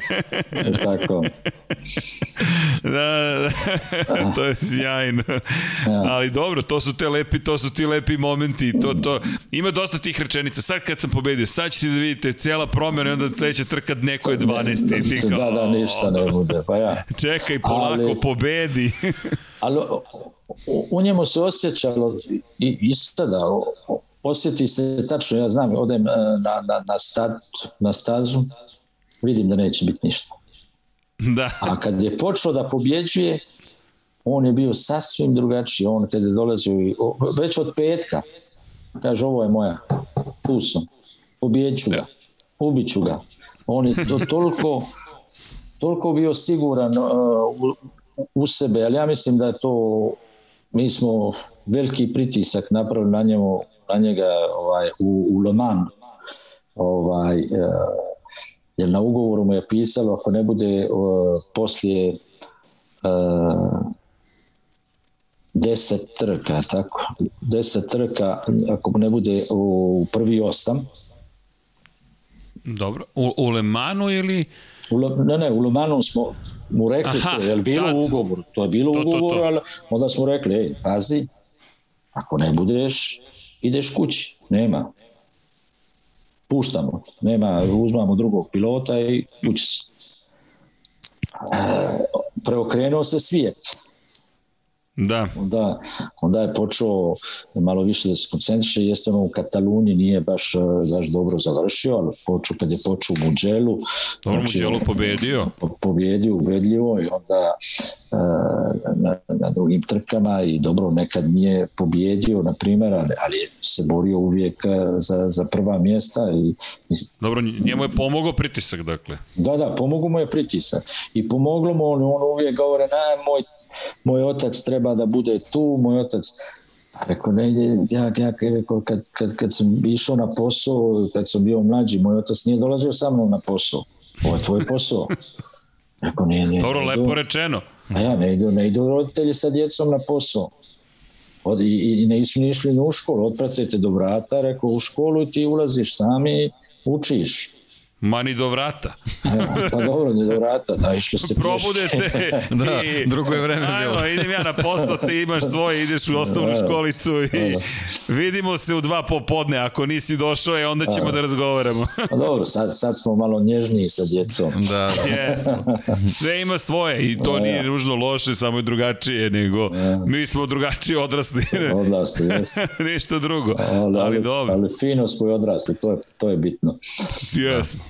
Mislim da, da, da je bilo, bilo svako detinstvo cenim lepo, da je prosto da, da. naše tako.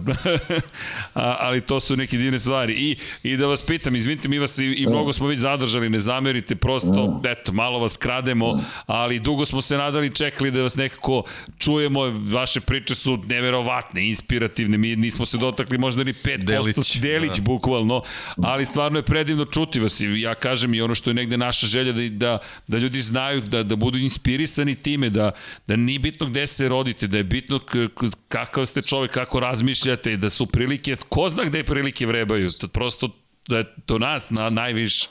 A treba iskoristiti sve prilike ovaj, i, i treba biti uporan i treba voljeti ono što, što čovjek radi i ja isto uvijek govorim svoj djeci kad, kad, kad voz dolazi u skoč u njega jer ne znaš nikad više kad, kad će taj voz da naiđe opet.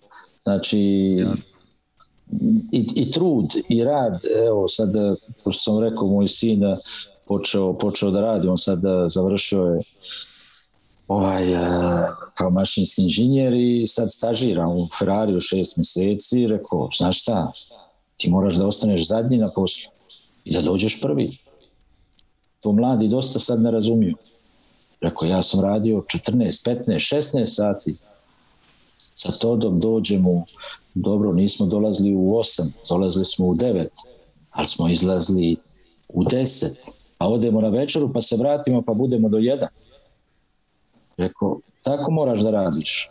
Rekao, ako hoćeš da uspiješ u životu, da se pokažeš, ne možeš ti, e, sad je zazvonilo 5 sati i ajde bježi Znači, da, da ljudi koji su iznad tebe da vide da ti to voliš, da ti to hoćeš i kad Ti bude i, da, i kad bude jedna prilika za neko drugo mjesto, za bolje mjesto, aj zabraće onoga koja se trudio. To je, to je tako. Ja, mi, Mi pričamo za- samo da se razumemo, direktor logistike Ferrarija i, i direktor Ferrarija su ti koji ostaju do 1 ujutro Da. zato što je cilj osvojiti titulu šampiona sveta. Možete u pet da odete, ali onda ćete biti peti. Peti, pa to je. E, ja sam, ko što sam vam malo prije pričao, do, dosta sam naučio tije stvari od, od tog čovjeka Toda koji za mene je jedan od najbolji ikada menadžera koji je ikada bio u, u, u, u motorsportu. On svako jutro je on obilazio fabriku i svako veče kad je kreto opet je išao i naš način nailazio na ljude koji su isto završavali kasno, koji su zavoljeli svoj posao, dobro ima drugi ljudi koji su morali da idu ranije i koji nije bilo potrebno da ostanu. Isto ako nije potrebno, idi kući, a sutra ćeš ostati du, duže. Ako treba. Ako treba. I to, to nije, znači, do, do, do, dosta naših mladi, ovaj, naši, ja kad kažem naši u svijetu, to je tako, uh, misle da, da, da, da od jedan puta počnu raditi, da će biti odmah na, na najveće mjesto, ono, treba se truditi rad, na kraju i, se isplati. Ovaj, Isplati se. Isplati se. Trud, trud, trud i, i, i rad. To je to. I, i samo za kraj, čisto da, da najavimo 2022. To je Fođa. Da. Ok.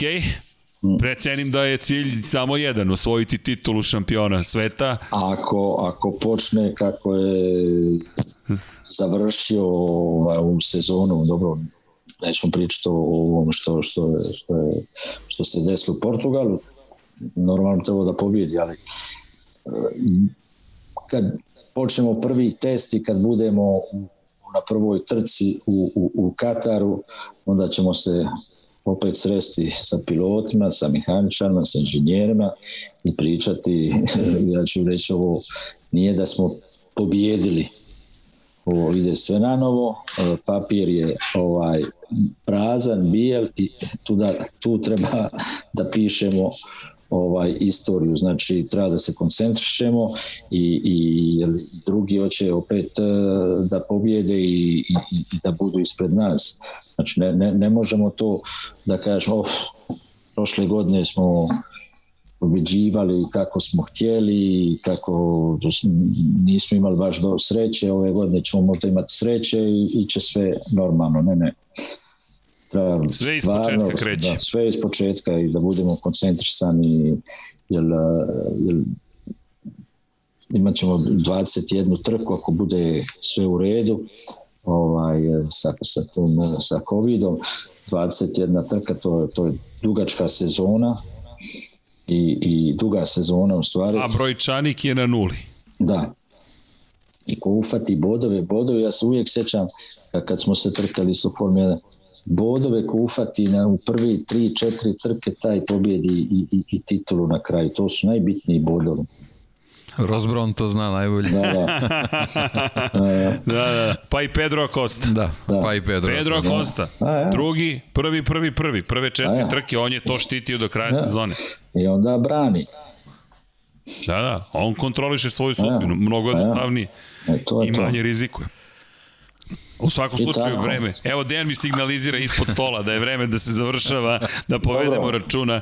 Uh, čujte, uh, ako smem da iskoristim, pre, pre nego što se odjavimo, samo mi dajte minut da, da, Da. ispuštujemo sponzora, pošto od sponzora i mi živimo, a nama je sponzor, gde mi je sponzor, evo ga ovde OMV, pa samo mi dozvolite, ovo je poruka koju čitam iz audio, jel te, Može, može. one slušalce, vi znate koliko je to važno, eto, nama je OMV ovoga meseca, tako da Samo hoću da kažem hvala OMV-u, inače promovišem ovog, ovog meseca OMV Max Motion Super 100 Plus, gorivo koje ispunjava najviše standarde svetske povelje o gorivu, to je Worldwide Fuel Charter, WWFC, kategorija 6, koja omogućava najveću efikasnost motora i minimalnu emisiju izduvnih gasova, tako da u skladu sa zahtev, zahtevima i standardima industrije poslednjih godina koji su se, kao i sve ostalo, značajno razvili, OMV je napravio taj još jedan važan korak, Max Motion Super 100 Plus su benzin premium razvili, koji odgovara kategoriji 6. Tako da, danas nam je stigao tweet, inače, jedan od gledalaca je sipao gorivo na OMV-u.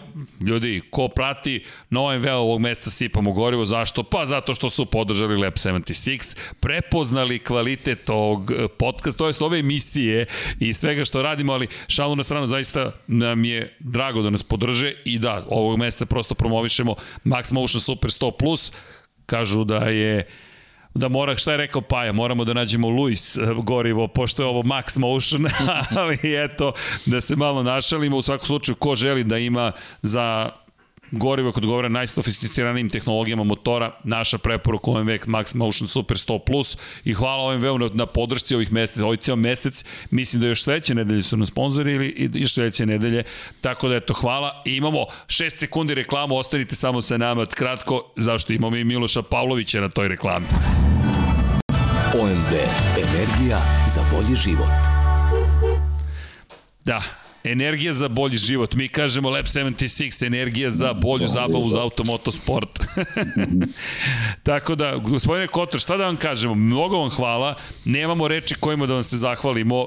Čast nam je što ste ne, da, podelili vaše vreme. Malo, meni je drago malo da, da, da, da svi razumiju šta se isto dešava malo iza, iza trka i ne samo na stazi, već tako da ja mislim isto da je, da je za druge to, za, da za ljude zanimljivo i eto, pa ćemo imati još prilika da, da pričamo o drugim stvarima koje se dešavaju i tako. Hvala vam najlepše. E, mi obično postavljamo pitanje odgovore, večeras to nećemo učiniti s obzirom na činjenicu da, da znamo koliko ste vremena da, odvojili, znamo i da ste nedavno imali COVID, znamo koliko je teško, ovde imate dvojicu da. isto sapatnika.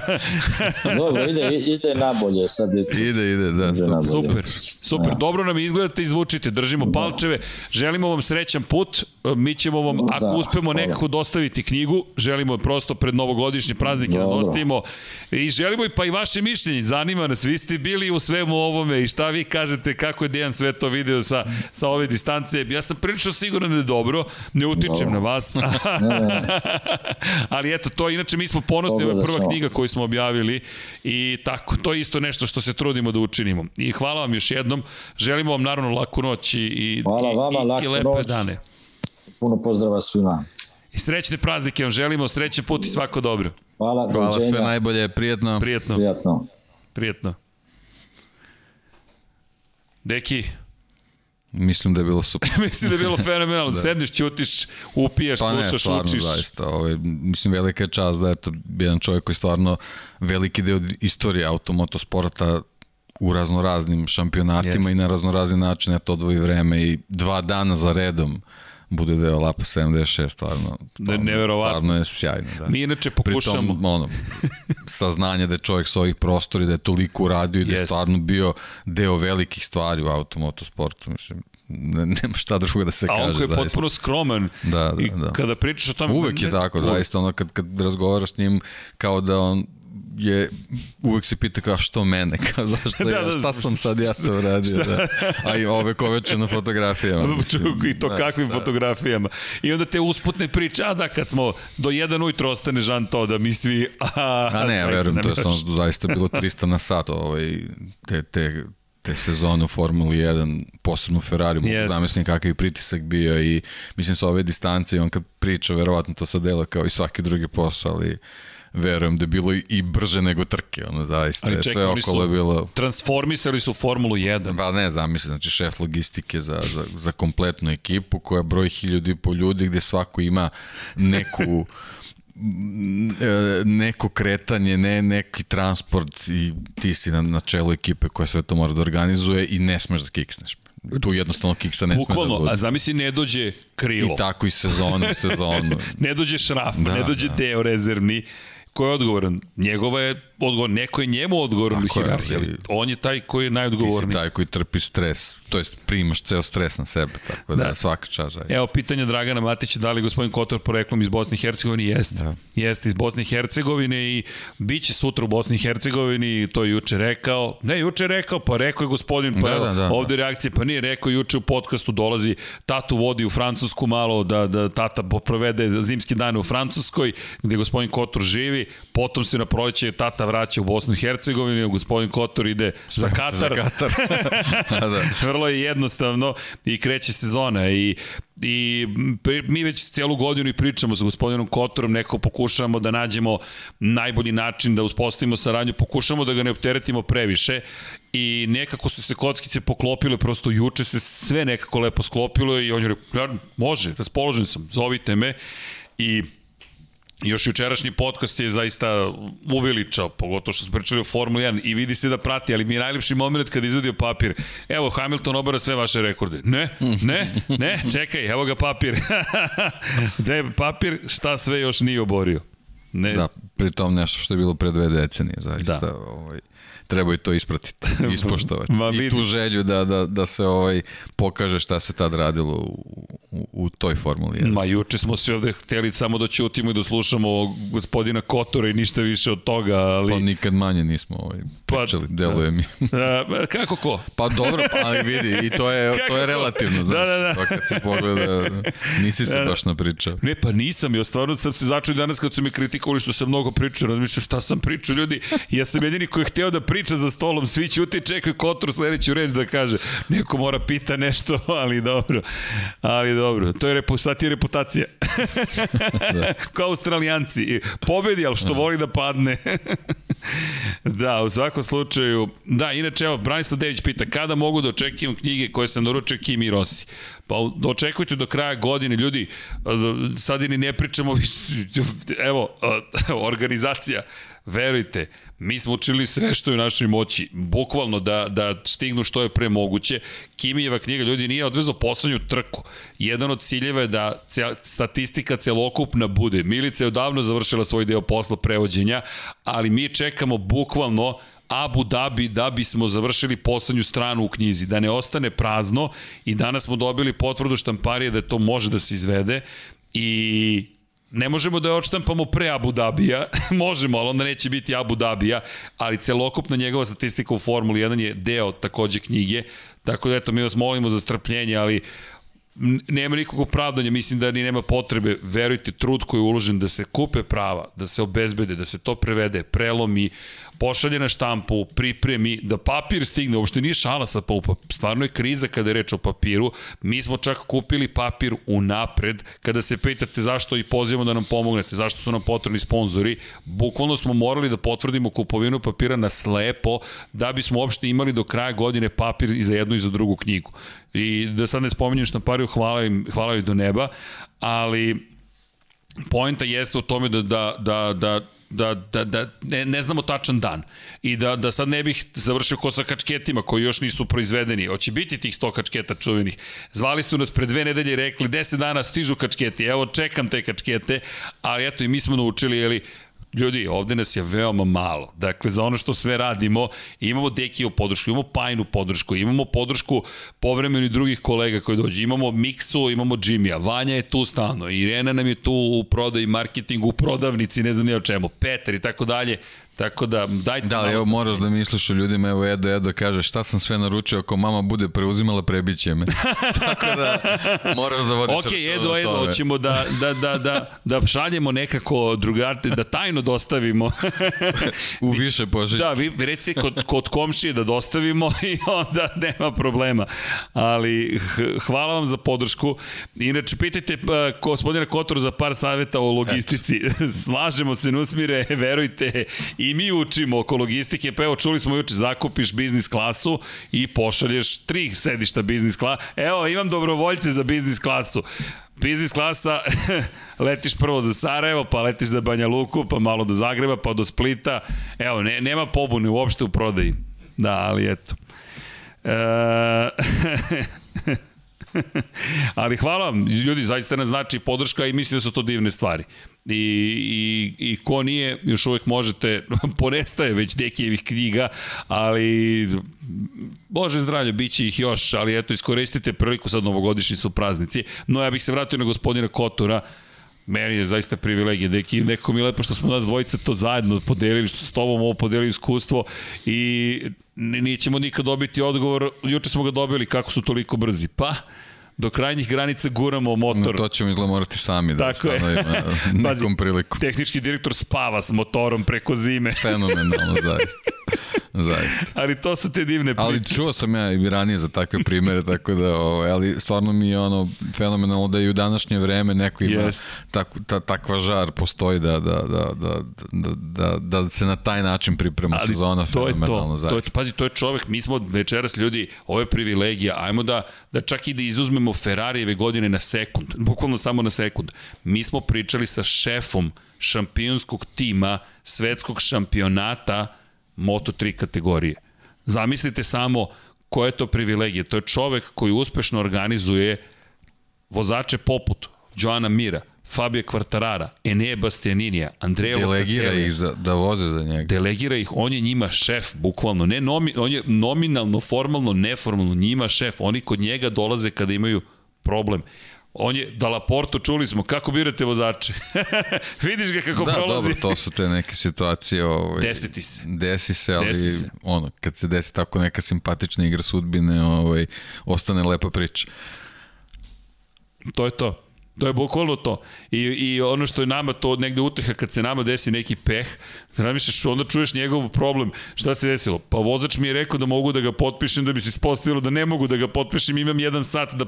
Pazi, on je morao da ne potpiše Jorgea Martina da bi dobio Hondu nazad. Kakva priča. I onda dobiješ informaciju da Mir i Martin Ljubavi nema previše, a bit će zajedno ne, na stazi sledeće godine. nam je zaista ovaj, neke stvari. lepe stvari, neke koje smo i pretpostavljali da, da, da. da potvrdio neke, neke detalje, opet eto sa druge strane ovaj, dobili smo neke, neke informacije za ko, na koje mi možemo da se nadovežemo kasnije kad budemo analizirali neke stvari, tako da ovaj, sjajno zaista. Ja sam uživao. Ovo je uživanje. Da. Ovo je zaista uživanje. I, i, i rekao je, čuli ste obeće sledeće godine, naravno, verujte, mi ga za rukav nećemo juriti. Ne, ne, ne. Nepristojno je. Verujte, nama je ponekad neprijatno da odemo u kafu Ne radi se to tamo na, na, na, na taj način. Ne. ne, ne vezano samo za, za, za gospodina Kotora, nego je generalno jednostavno nikad takav pristup po meni nije, nije bio ispravan. Ti i ja ga nemamo. Da. Mi jednostavno drugačiji smo. Možda ćete ponekad dobiti manje nekih stvari brzo, ali kasnije će doći te tako stvari. tako I mi smo zaista dugo u kontaktu s gospodinom Kotorom, ali evo mi danas, mi, mi smo hteli da uđemo u hospitality, zašto?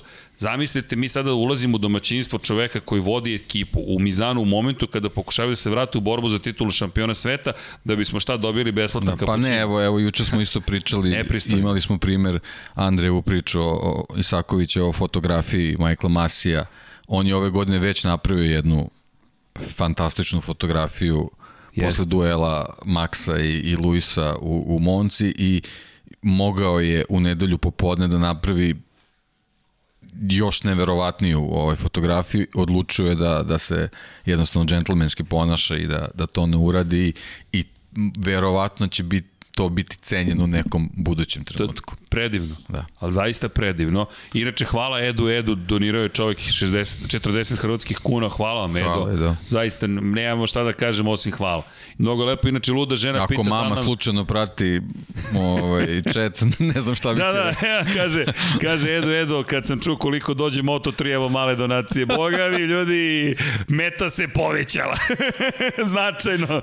Ali dobro, ali, ali Edo, Edo, hvala. Zaista, mi se šalimo, ali uopšte nije šala. Bukvalno ne bismo mogli da radimo ove stvari da nemamo vašu podršku. Ni i, i emotivno, i finansijski, i fizički, kako god, mnogo ljudi Pozdrav za Aleksandra koji je došao da nam pomogne oko mreže. Juče mi čovjek piše, kaže imali ste prekid u streamu. Nije bio prekid u streamu, prekid je bio kod YouTube servera. Dakle, nema veze sa nama. Ako vratite emisiju nazad, ne postoji pauza nema prekida od 3 minute i ni jednog momenta nije popustio internet. Dakle, ali čovjek inače fizički došao, proveo 6 sati u studiju, crtajući mrežu, mapirajući šta sve treba da se uradi, ja nemam reči, hvala vam. Najmanje što mi možemo da uradimo da pokušamo da vam vratimo emocijama, knjigama. Inače, luda žena pita da li vam pomaže kada, kada kupimo knjigu napred. Da, mnogo nam pomaže.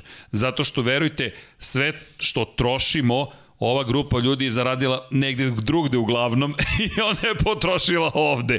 Tako da, čujte, kada vi, i sponsorima hvala, to, to, to, je, to, je, to je mnogo bitna stvar. Tako da, čujte, da li ćemo se obogatiti? Mislim da je do gospodin Kotor rekao sve nema tu, nema tu bogaćenja, ali ako mi možemo da imamo, da živimo svoj san i da je on održiv, samo održiv, to je to. Mi imamo svoj trkački tim, neka je u medijskom svetu, ali mi se trkamo zajedno sa vama, tako da eto, to je to. Je to. A ovo, Inače, Amir kaže 86 sati 12 minuta do trke u Abu Dhabi. Tako je, broje Idemo, se da. časovi. Da. Kada dođe 76. čas, to će nešto značiti do trke. U svakom slučaju, ja se zaista nadam da ste uživali. Deki ja, možete, ja mislim, jasno proceniti koliki je ovo večeras bio užitak i mi se nadamo da ćemo moći, biće još gostiju, sad, da li možemo da nađemo još nekog šefa ekipe koji priča naš jezik i bio je sa Mihalom Šumahirom u Ferrariju, mm, malo teže. malo teže. Tako da... da, malo lestvica podignuta. Dobro. da, moramo Rosija da dovedemo, to je sledeća jedina mogućnost, ali ne znam baš kako će da progovori. Tako da malo ljudi s kojima možemo da pričamo na ovaj način, ja se nadam da ste uživali, mi, mi jesmo I da li može plaćanje u kešu? Od prvog prvog kad stigne fiskalna ka... Inače, možete pouzećem da platite, to je isto gotovina. Ko naruči pouzećem, kada stigne u knjigi, onda možemo da ih pošaljemo i tada plaćate u gotovini ili kojim god želite platežni sredstvo. Tako da eto. U svakom slučaju, ljudi, hvala vam. Deki, hvala ti zaista Hvala tebi, uvek zadovoljstvo. Ovo je jedan od, jedan od onih lepih dana. Sinoć moram ti pristiti, da, ne da sam lepo spavao, nego baš sam ja sam lepo, lepo ali kratko. Kratko. I ja sam, mene su probudili. Taman sam lepo zaspao, zvoni telefon. E, zdravo, moraš još da radiš. Ok. Inače, Vojasinović kaže TV, samo 6276 eura po članu na četu da imamo Moto3 ekipu. Hvala na računici. Hvala na računici. ali idemo korak po korak. Ljudi, udrite like, udarite subscribe, vodite računa jedno drugima, vozite računa jedno drugima, mazite se i pazite se i budite dobri, uživajte u automoto trkama, i Formula 1 nam stiže ovog vikenda, moram to da ponovim, bit će uzbudljivo kako god da se završi, pričamo dva velika vozača, ko će biti šampion saznaćemo i ne, ne, ne, nismo ni inače strani osim sporta. Ovo je predivan jedan vikend. Mi smo dva puta za redom imali Miodraga Kotura. Najavili smo jednu od trka koja će se pamtiti. Imali smo jednu trku u Formula 1 koja će se pamtiti. Završila se sezona Moto Grand Prix. Odlazi u penziju Kimi Raikkonen, odlazi u penziju Valentino Rossi. O, knjige o bojci možete da kupite prevedene u, u, u našoj prodavnici maloj koja polako li sigurno raste. Imate Dekijevu knjigu, dakle, mnogo je, lep, mnogo je lepih stvari i bliže se neki praznici, tako da ovo je, ove nedelje pravi praznik automotosporta, kogod pobedio, ljudi, posmatrajte to ovako, prisustvujete istoriji uživo zajedno sa nama. I ja nemam reči, u nedelju vam najavljamo, družit ćemo se, Deki Pa i ja smo ovde, da prokomentarišemo poslednju trku sezoni, da vidimo šta se to desilo u Abu Dhabi. Što se tiče Moto Grand Prix-a, pa ja se nadam imamo jednog gosta već najavljenog za sledeću nedelju, čekam konačnu potvrdu, Sreća mi je rekao ne mogu ove nedelje, mogu sledeće. Tako da se sve lepo uklopilo. Taman je ispalo Taman. sve kako treba.